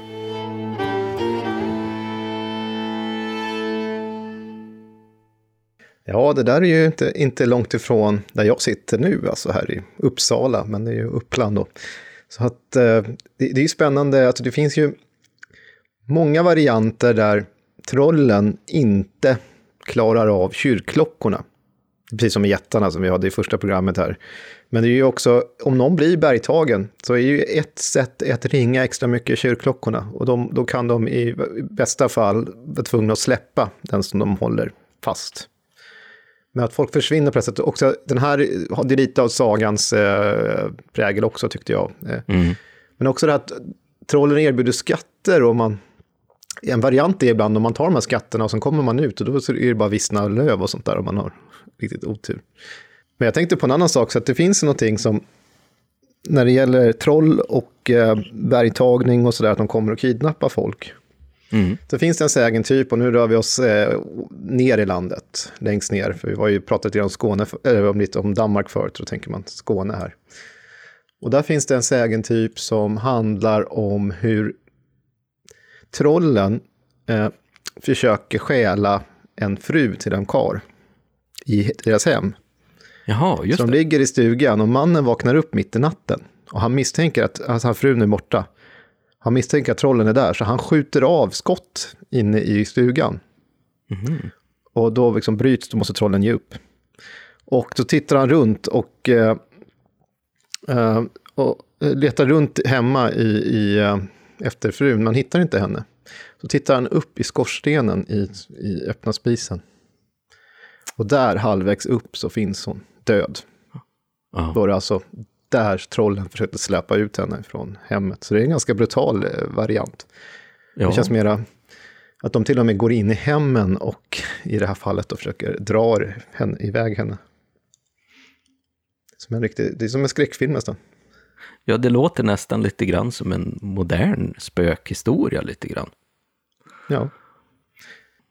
Men varför bergs, bergtogs man? Eh, är det mest för att trollen behövde tjänstefolk. Alltså det, det är ju en förklaringsmodell och annat, men sen är det ju det här, det är ju, det är ju fortfarande vi får se från människans perspektiv, så vad trollen ska med oss till, det kanske inte alltid är så viktigt, utan det är ju snarare vad, vad händer, varför försvinner människor? Vad, vad har de tagit vägen? Och, och då, har de ju, då är en förklaring, ja men det är ju trollen som, eh, eller annat då, som har lagt beslag på människan. Så att jag vet inte om man ska tänka sig vad de ska med människan till, men i många fall så är det den här erotiska undertoner, att de människan får tjäna åt trollen i det, det, olika fall. I det här jag läste upp från Småland så får vi till och med höra då hur de ger honom den här speciella mössan så att han kan springa runt. Men det, då är det också att de har skäl, skäl åt trollen. Mm. Det är väl där, enligt den varianten då. Men den har ju också en liten smått humoristisk eh, underton då. Ja. Eh, vilka källor förekommer det främst? Är det i sagorna? Är det i sägnerna? Eh, finns det liknande fenomen i våra myter till exempel? Ja, det, alltså det är framförallt i, i sägner och sagor. Men det finns eh, en del varianter och det är liksom att vi pratade om genre förra gången i avsnitt tre, men eh, mm. det är det här, de är så flytande ibland, går in i varandra, det är svårt, liksom, kan vara svårt att särskilja. Vi, som jag sa förut finns det från vikingatid och det är ju det är en dikt som handlar liksom om eh, hur en kung exempelvis blir eh, bergtagen. Den är från vikingatid. Jag har den här och den, kommer, den är bland annat med då exempelvis i, i eh, Heimskringla då, av Snorre Sturlason från 1200-talet som berättar om nordiska kungasagorna. Och då får vi veta att det här handlar liksom om de äldsta kungarna och sådär i, i Skandinavien. Mm.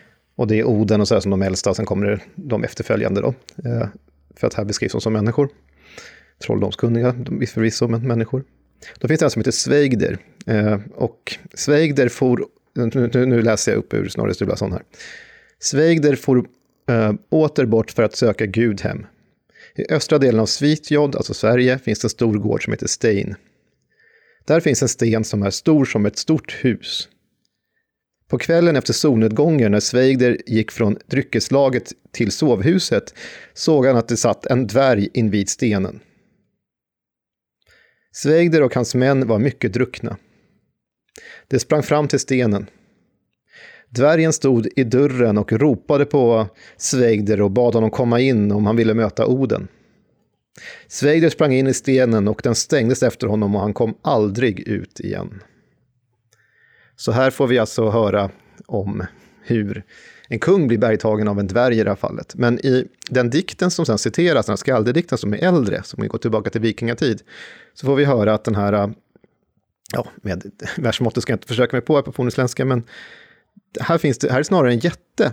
En bebo, alltså den här salen som man blir bergtagen in i är bebodd mm. av alltså, Jauten bygder, alltså det är jättar där inne i, i Sökmimirs eh, hall. ska jag säga. Det är ju en, det är jättar då, en sal som finns inne i, berg, alltså i berget. Det är, ja, hur som så är det i alla fall ett eh, bergtagningsmotiv som förekommer här.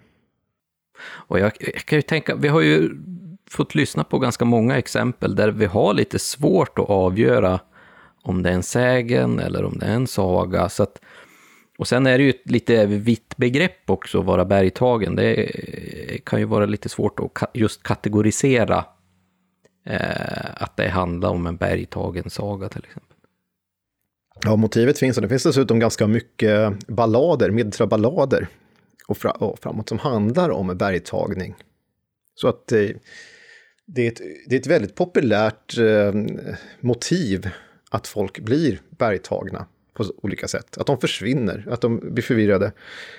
Jag kan jämföra med någonting som jag skrev en artikel om, eh, alltså bortförd eller eh, spirited away då som det är på engelska av, eh, av skogsråt. Mm. Och då gjorde jag en jämförelse med bland annat Finland.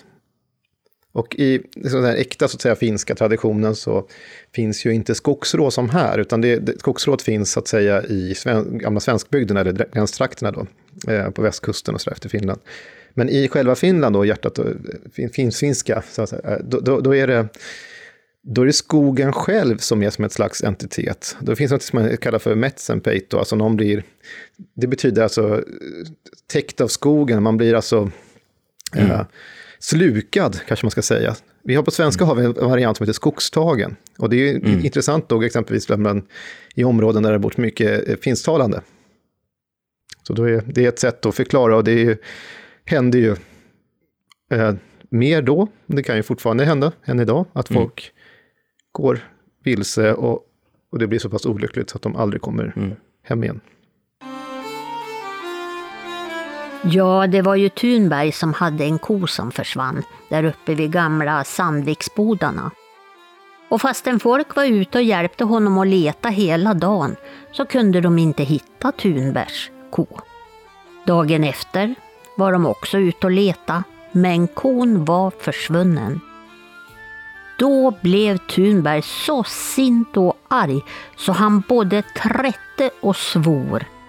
Han tog yxhammaren sin och slog den rakt i en trädrot och hotade Vittra med vad han skulle göra om han inte fick sin ko tillbaka. För Thunberg, han trodde att kon hans hade blivit vittertagen. På tredje dagen då de gick och letade, då fann de kon. Precis på det där stället där Thunberg hade slagit in yxhammaren sin. Men kon, hon hade ena lårbenet avslaget hon. Det var roten det, som han hade slagit på. Här hade vi Vittera som hade stulit en ko för en stackars karl. Eh, Men moralen där var väl kanske att eh, han inte skulle slå så hårt i skog och mark. Ja, precis. Men jag tänker överlag, alltså Vittra som vi sa här är ju motsvarighet till trollen då, i det här fallet, eh, i mellersta Sverige och södra. Så de skäl, men de skäl, det är ganska vanligt med att de skäl boskap, Mm. eh, faktiskt. Det finns många fall där kor Eh, blir vittertagna eh, och försvinner in i bergen så att säga. Och då, då kan man på olika sätt få, få loss dem igen. Och alltifrån, det, det, även här funkar ringandet av eh, kyrkklockor som ett sätt att de måste lösa. Men det gäller ju också både människor och kor eller getter eller vad det annat man har ute. Som, om de ska loss så kan man också tänka, det finns andra metoder, exempelvis är att man skriker och skjuter mycket utanför med krut och sådär, kan också funka i många fall. Jaha. Det finns vissa fall, och det här är inte så jättevanligt, men det finns fall där trollen eller vittra som inte klarar av, om de har stulit ett barn exempelvis, så klarar de inte av att höra eh, gråtande föräldrar tillräckligt mycket utanför. Och det är ett snällare Nej, variant det. kanske man kan säga. Ja. Så finns en annan, bara för att åter, eh, alltså knyta an till det första temat vi hade här med bortbytingar. Så finns det en, en variant som, eh, som är lite, lite lustig. Alltså det, det är liksom ett barn som har blivit taget av trollen då, inne i berget. Och det här barnet eh, eh, vägrar äta inne i berget. Alltså det är ett klokt barn då, för man ska inte äta inne i berget, för då blir man fast. Nej. Och sen när han, ja, trollen försöker få i honom saker, eller henne. Och någonstans här så säger han en bön, det här barnet. Alltså de säger kanske säger någonting med Jesus eller någonting annat, det räcker med att de säger kanske några ord. Och då blir trollgubben förbannad och tycker att, att de ska slänga ut bytingen, för då är det, nu är det om, ombytta roller. För de är ju också då bytingen, det är ju människan är också en byting. Så att det är både bergtagen och byting i samma, samma, inbakat i samma. Men då är det kristna orden som löser personen, det är väl det som var poängen här. Hur ser det ut utomlands när vi pratar om att vara bergtagen? Eh, berg bergtar man folk även där? Jag antar att folk försvinner över hela, över hela världen. Ja, absolut. Det finns många varianter. Om vi håller oss till eh, Europa så är det ju då återigen ferries i de brittiska öarna som är det som kanske närmast ligger till hands där att jämföra med. Och till viss del på Island så har vi då Hultufolk, alltså de gömda, gömda folket eller alfar som då kan också ta folk in i stenar, in i kullar, in i berg och sådär. Och på Irland så är det då in i, eh, också in, in i liksom, kan faktiskt vara träd också. De, de tar in i, i fairy trees. Men det kan också vara kullar och, och, och annat, det beror på vad man har för liksom, eh, terräng. Men det finns ett fall som jag tycker är oerhört fascinerande. Jag läste, den här, jag läste en bok för ett tag sedan som hette The Burning of Bridget Cleary, A True Story. Och eh, den är, det är ett fall från 1895. Och det här är, om jag minns rätt, sydvästra delen av Irland. Ja. Så är det alltså en kvinna som blir, försvinner, så att säga. Och det, den här, det är en väldigt, väldigt eh, spännande bok på det sättet att den har väldigt mycket olika källor och kan liksom följa det här fallet på riktigt med fotografier och annat också. Och även i polisrapporteringen och sånt sen. Och anledningen till att, det här, nu kommer vi komma in på vad poängen är med vårt tema, att hennes man då trodde att hon var en changeling, alltså hon var ersatt av fairies. De har stulit henne, riktiga, hans riktiga fru, och ersatt med den här som var hans fru, men han trodde inte var det. Och han försökte i det här på olika sätt få tillbaka henne. Där har de sådana forts, alltså speciella eh, det, såna förhistoriska platser runt om på Irland finns. Och där tänkte man att där håller Ferris till, så man går dit och ropar på dem så ska han få tillbaka henne, men det fick han ju aldrig. Mm. Sen börjar han med att tortera och bränner henne och så vidare. Sen till slut dör hon och sen gömmer han kroppen och så där. Sen uppdagas allt det här. Men det är, alltså, det är ett riktigt fall som är, eh, är då dokumenterat. Och, och det var just, grundar sig i den här typen av föreställning. Att hon var liksom mm. då bortförd, kan man säga, av Ferris. Men i det här fallet, det som skiljer åt är att den var då ersatt av en person som såg likadan ut, men inte var, tänktes vara hans fru. Och det är ju något som har hänt i, i, relativt modern tid. Och då kan man också förstå att ja. det här har pågått under väldigt, väldigt lång tid tillbaka. Ja, ja, precis. Det... Där trosföreställningarna var lite kraftigare dessutom. Och det intressanta här, det var 1895, men i det här fallet så är det ju, även i Dublin och de större städerna, tätorterna så att säga på Irland, så fanns inte samma föreställning. Det blev den här, liksom, man ser även tidningsrapporteringen och sånt där av det här. Det blir också landsbygd mot eh, stad. En del. Man tyckte att det var de här vidskepliga personerna på, på landsbygden och så vidare, det här skrockfullt och sånt. Och det kan vi se här också, i Sverige. Alltså den typen av tankar. Så att, det, bara, sådana alltså, dimensioner i det här är superspännande. Ja. Och vi har ju också det här, äh, vad heter hon, är det Persefone i grekiska som Demeters dotter, säger mm. rätt nu, som blir kidnappad av Hades. Och äh, då äter av ett granatäpple, bara något, ett frö, då betyder att hon, hon kan bara återkomma en viss del av året för att hon mm. har ätit av den där lilla, även om det bara är ett litet mm. frö. Eller en del, mm. vad heter, kärna heter det, av, av granatäpplet. Det är ju också en variant på faktiskt det, bort, alltså bergtagen.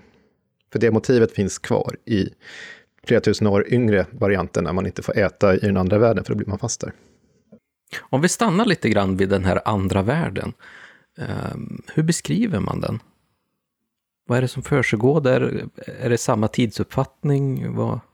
Nej, Alltså det, ja, ja nej. Det är, det är det som är så spännande. Den andra världen är en parallell tillvaro. Det, det, kan ju såklart skilja sig åt om det är ett berg, om det är en, en slags troll som har i massa rikedomar och annat. Till att det är en ganska dyster plats som är hemsk att vara på. Det kan vara underjorden eller någonting annat. Och tiden där för personen som är fast där kan upplevas som ganska kort. Men för oss här, i den här världen, i vår värld, så kan det där korta vara ganska många år. Mm. Så en person som tänker sig att den har varit bergtagen i, ja, i de här berättelserna har kanske en vecka i verkligheten och kanske varit borta nio år.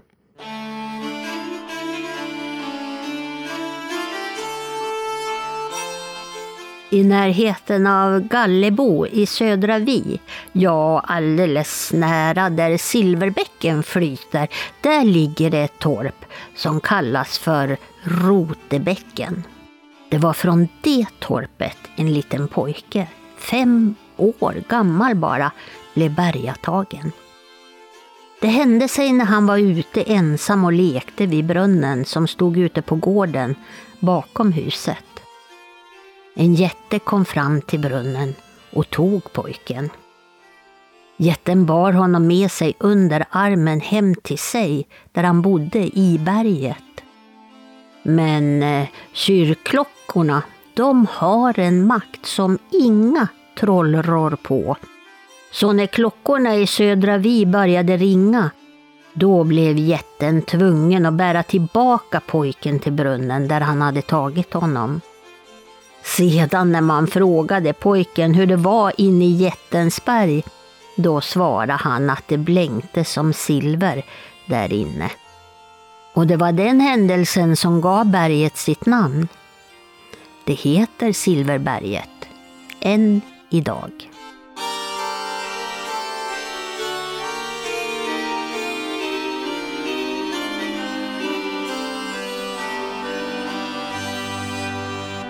Här hade vi en till sägen som är ifrån dina trakter, ifrån Uppsala. Mm. Fantastiskt. Um, ja, och här, det här var ju också en form av ortssägen, kanske man ska säga, mm. uh, som beskriver en viss ort eller ett visst berg. Här var det ju också lite intressant att, att uh, det handlar ju om en jätte som bergtrar, men man benämner han också som ett troll. Så att här går mm. de ihop lite grann också. Ja, gränserna är flytande mellan troll och jättar många gånger. Uh, och precis som det alltid har varit egentligen, som man går tillbaka till det fornisländska materialet. Men jag, jag, tycker det är fascinerande också, det här, här är ju då att det är ett väldigt rikt troll. Mm. Man tänker sig ju någonting som hör troll, alltså allt som finns under i jorden, alla med, alltså ädelmetaller och sånt, det är ju faktiskt trollen. Så, så många gömde ju faktiskt skatter och pengar innan bankväsendet kom igång. Uh, i, under, i, alltså på olika gömställen, inte kanske minst i, i marken. Är det väldigt vanligt att vi har den här typen av sägner och historier om bortförda människor och försvinnanden? Alltså ja, i, i folkminnesarkiv så har vi absolut mycket av den här typen av berättelser, att eh, personer har blivit bergtagna. Eller blivit eh, ja, kidnappade in någonstans i, till den andra världen. Så, så jo, men jag tror som sagt, som vi, som vi har redan sagt några gånger här, att det är en ganska bra förklaringsmodell till eh, personer, hur, varför de försvinner.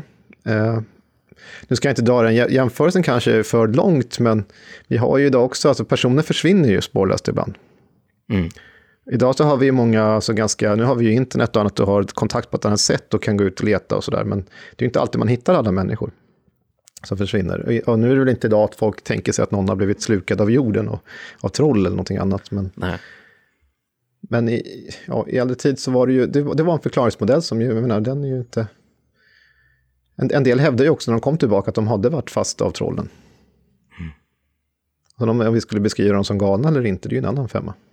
Mm. Och det kanske inte spelar så stor roll i egentligen som forskningsperspektiv, utan det är ju, det, är ju liksom en del av eh, av, av uh, världsbilden som finns i det, i det samhället som skildras.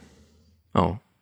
Ett annat sätt att eh, bli bortförd eller försvinna på är ju idag till exempel att bli bortförd av aliens, av rymdvarelser. Mm. Det är ju några, det är ju ett fenomen som är väldigt vanligt idag, eh, som förekommer i, i vandringsägner och i, i upptäckningar och allt möjligt. Ja, alltså det, fin det finns ju alien abductions här. Det är ju, det är ju en slags fortsättning på det här. Alltså det är samma motiv som återkommer. Eh, om man säger, alltså, ja, det, istället för att blivit slukad in i bergen där det finns mystisk, där trollen finns, som kanske är trolldomskunniga och annat, så är det någon som då har, har blivit ombordtagen på ett eh, rymdskepp, eller ett mm. Eh, UFO då. Och eh, där får se och få tillgång till, eller ser en, en väldigt eh, märklig teknik som är bortom våra kompetens här på jorden. Alltså det är en teknik som är så avancerad så vi, knappt, vi begriper den inte, så det kan lika gärna vara magi. Och det är precis det som är poängen. Det är det, är det som är dagens eh, motsvarighet till äldre tiders trolldom. För att precis som trollen kan ändra utseende och göra vad de vill, så kan ju de här, och där tror vi att vi är rationella, och tänker vi att ja, men då har de tillgång till en teknik. Vi kan inte beskriva den, vi har ingen aning om hur det funkar, men den kan göra det här. Vi kan, de kanske kan teleportera, de kan göra dittan och dattan. Men eh, ja, så det är, egentligen, det är egentligen samma sak som att säga att de trollar, skulle jag påstå, eller att det är magi. Och precis som ibland att trollen ibland talar på vers, så kan ju också en del rymdvarelser tala på liknande sätt. Alltså de har en mm. stämma som påminner om människans, som kan liksom imitera. Så jag tycker man ser mycket av det. finns ju även personer som kommer tillbaka från det här då enligt eh, då, såna här ufo-beskrivningar att eh, de är alltså personlighetsförändrade. Det, det är någonting som har skett med dem. Om det nu är mm. experiment som har pågått där uppe eller någonting annat, men de är förändrade, de, de, är inte samma personer längre. Någonting har skett med dem. Precis som det då i äldre tid kunde vara inne, fast då var det inne i bergen eller under jorden eller någonting annat. Och i vissa fall så har vi till och med beskrivningar i modern tid, då, eller hyfsat modern tid, eh, att eh, att de kan ersätta människor med sina egna, fast i människoform. Mm. Det är en slags kopior, alltså en dubbelgångare. Då kommer jag egentligen in på ett annat typ av fenomen och ett annat typ av väsen. Vi var ju lite inne på det med changelings där i, i, i, på Irland. Men, men det är också någonting som har skrämt människan länge och det finns inte minst i tysk tradition det här med doppelgängers, alltså personer som... Någon som tar form av en människa. Mm. Alltså i samma form. Så att det, det finns en del skrämmande sådana beskrivningar, någon som möter sig själv helt enkelt. I just de beskrivningarna eh, finns det också eh, en förklaring till vart den andra personen, den riktiga personen, tar vägen. Ja, doppelgänger i, här, i det här fallet är ju ett slags väsen som ska, ska ta över den andra personens liv. Mm. Uh, men i det här rymd, alltså moderna du, rymdberättelser, så jag kallar det för, är det ju... Då är ju personen fast i, hos, hos då, liksom utomjordingarna, så att säga. Om det nu är på Mm. deras flygande tefat eller vad det nu kan vara. Det där är också alltså, det är ju sån här intressant att människan har alltid förflyttat vad man är, vad som är mystiskt och, och som man inte har koll på, som är det här man kan gå vilse i. Och medan vi har skogarna idag inte upplevs inte som lika skrämmande som de var förr och vi har ganska mycket hjälpmedel. Även om man går in med sig utan någonting alls har oftast en, åtminstone en mobiltelefon med sig som både har GPS och ficklampa och allting. Så att, och sen har man därifrån eh, bergen och sånt inte heller lika oländiga och, och läskiga och farliga. Vi, vi vet ju ganska mycket om allt det fungerar, vi ser det på tv och så vidare. Eh, haven är fortfarande till viss del mystiska, i alla fall de djupaste haven. Men det som vi har idag som är nytt då, som man då har följt i vetenskapens fotspår så att säga, eller vad man tänker att eh, det är ju yttre rymden. Världs, alltså den är ju oändlig och där kan man ju, den kan man befolka med vad som helst, precis som man kunde befolka skogarna med vad som helst eller haven. Och sen har vi utöver rymden så har vi ju internet, det, alltså den här eh, deep web, som idag också börjar bli ett tillhåll för olika typer av entiteter och väsen och annat som man tillskriver den här eh, mystiska platsen. Hur har våran populärkultur egentligen inspirerats av just den här typen av berättelser? Just bortföranden och kanske även ehm, att man är, är fördubblad. Liksom. Ja, alltså, vi har ju, alltså, om jag tänker på den här jättepopulära tv-serien som jag själv växte upp med som Arkiv-X. Där har vi många motiv som återkommer. Men jag tänker också på i uh, Pans labyrint, om någon såg den, som kom för, vad kan det ha varit, 15 år sedan, 10 år sedan? Ja, någonting där. Då är det också en scen när en flicka kommer in till en väldigt läskig figur med, som har sina ögon på ett fat och sådär. Men där är också den här, just det här motivet, du får inte äta där inne. Och hon klarar sig ju ut därifrån. Men, och det, det är det här typiska som finns. Alltså det, är en, det här är en väldigt skrämmande eh, variant, men där får man inte äta, för då blir man fast. Och då tänker jag på det som kanske är mest, eh, mest och mest, men det är det jag tänker på när man hör det här med att man blir spirited away. Det är en film som heter samma sak. Eller den heter Ja. inte samma sak, men den heter så på engelska. Den är japansk, en Studio Ghibli-film. Och i den filmen finns det ganska många spännande eh, motiv som vi känner igen även här i väst. Den bygger mycket på österländska varianter då. Men bland annat har du ju det här med att när hon kommer in i den här andebadhuset då som där. Så är det ju saker som att hon måste hon liksom blir av med sitt namn och hon blir fast där. Alltså det, det, är mycket, det finns mycket saker som är väldigt eh, atypiska på den här, den här andevärlden. Och det, det, hon, hon är alltså spirited away, det är därför det är ganska bra engelska. Jag vet inte vad det blir, jag kommer inte ihåg vad den heter på japanska ens. Men, men det, är ju, det är ju det hon är tills hon kom, lyckas komma loss på något sätt på slutet. Hennes föräldrar äter ju också av det som andarna ger och då blir de fast, de blir ju grisar och står där fast så att säga, tills allting bryts på slutet. Och en annan sak när det gäller populärkulturen, och inte minst här från eh, Sverige, så har vi ju två väldigt folkkära författare som har varit inne, tangerat eller skrivit om de ämnena som vi faktiskt har tagit upp idag. Jag tänker först och främst på Selma Lagerlöf, som ju Mm. faktiskt var ganska beläst på många sätt, och eh, då skrev en novell som heter Bortbytingen. Mm. Och nu har ju säkert många lyssnare här redan, eller läst den där med, eh, och den är ju fantastiskt fin. Och sen har vi en annan mycket folkkär författare, eller författarinna då också, som heter Astrid Lindgren. Och i hennes då, Ronja Rövardotter, som i, i den världen som målas upp här så har hon ju hittat på själv massa väsen och sådär. Så att, men de, de påminner ju mycket om, det, det känns lite grann som att de skulle kunna finnas även om de är påhittade. Men här är det ju en dimma som Ronja är med om och som liksom, i den här dimman så finns det sånger och sånt där. Det är de underjordiska som man inte får gå till, för då kan man lockas ner i underjorden. Så det, det, det är ju på sätt och vis tangerar det också det här senare ämnet vi hade då med vittertagen eller liknande. Ja, vi har ju faktiskt i våran etablerade folktro så har vi ju de underjordiska som är just det här äh, kollektiva väsenen som äh, mm. faktiskt kan... Som vittra. Berg, ja, som kan bergta folk.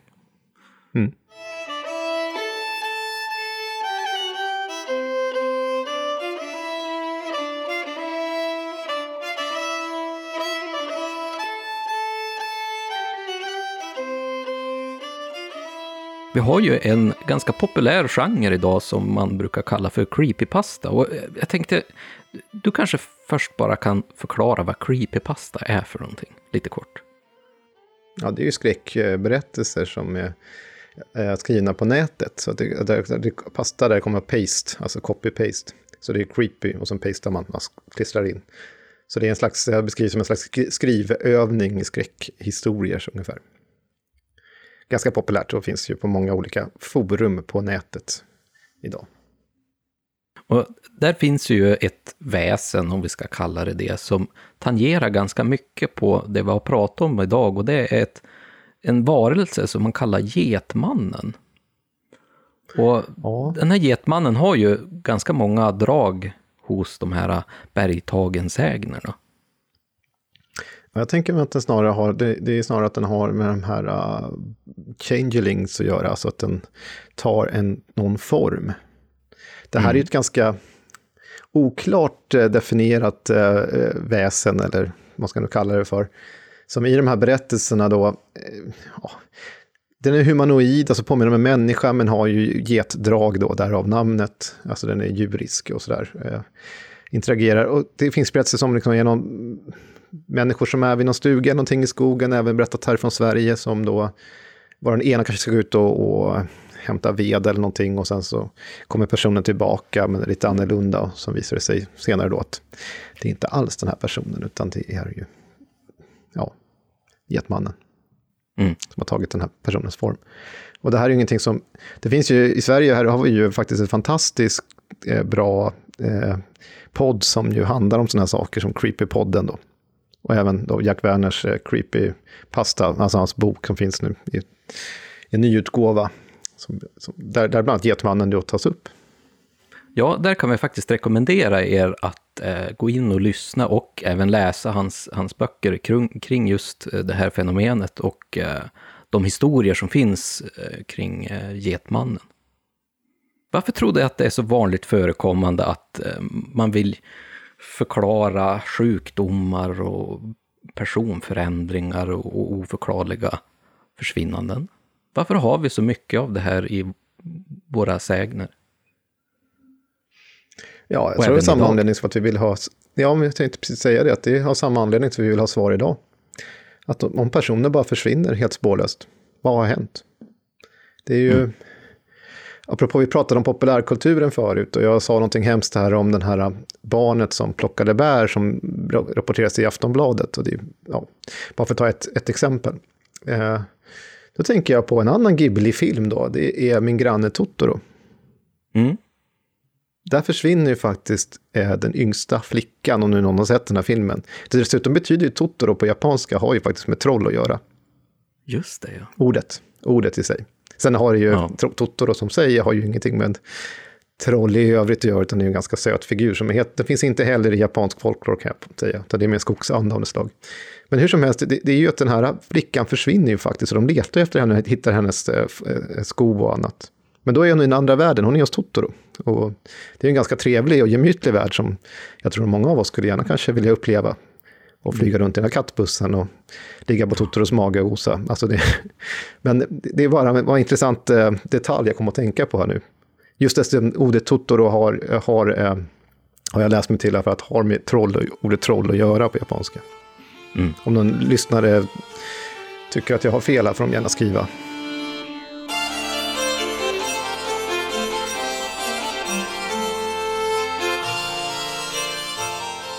Ja, men då har vi avverkat de ganska stora fenomenen att vara en bortbyting och eh, vara en bergtagen.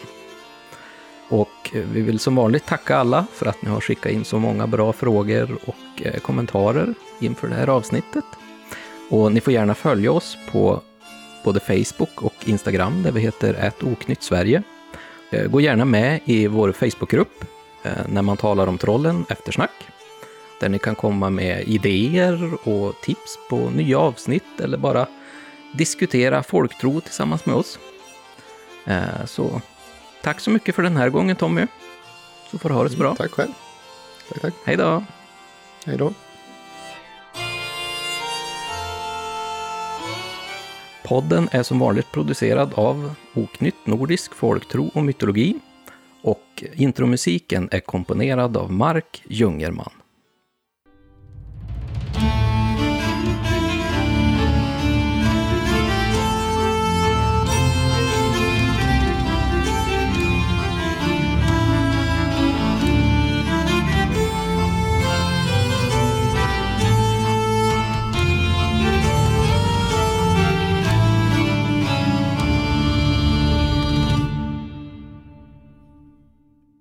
Vad menar man eh, att...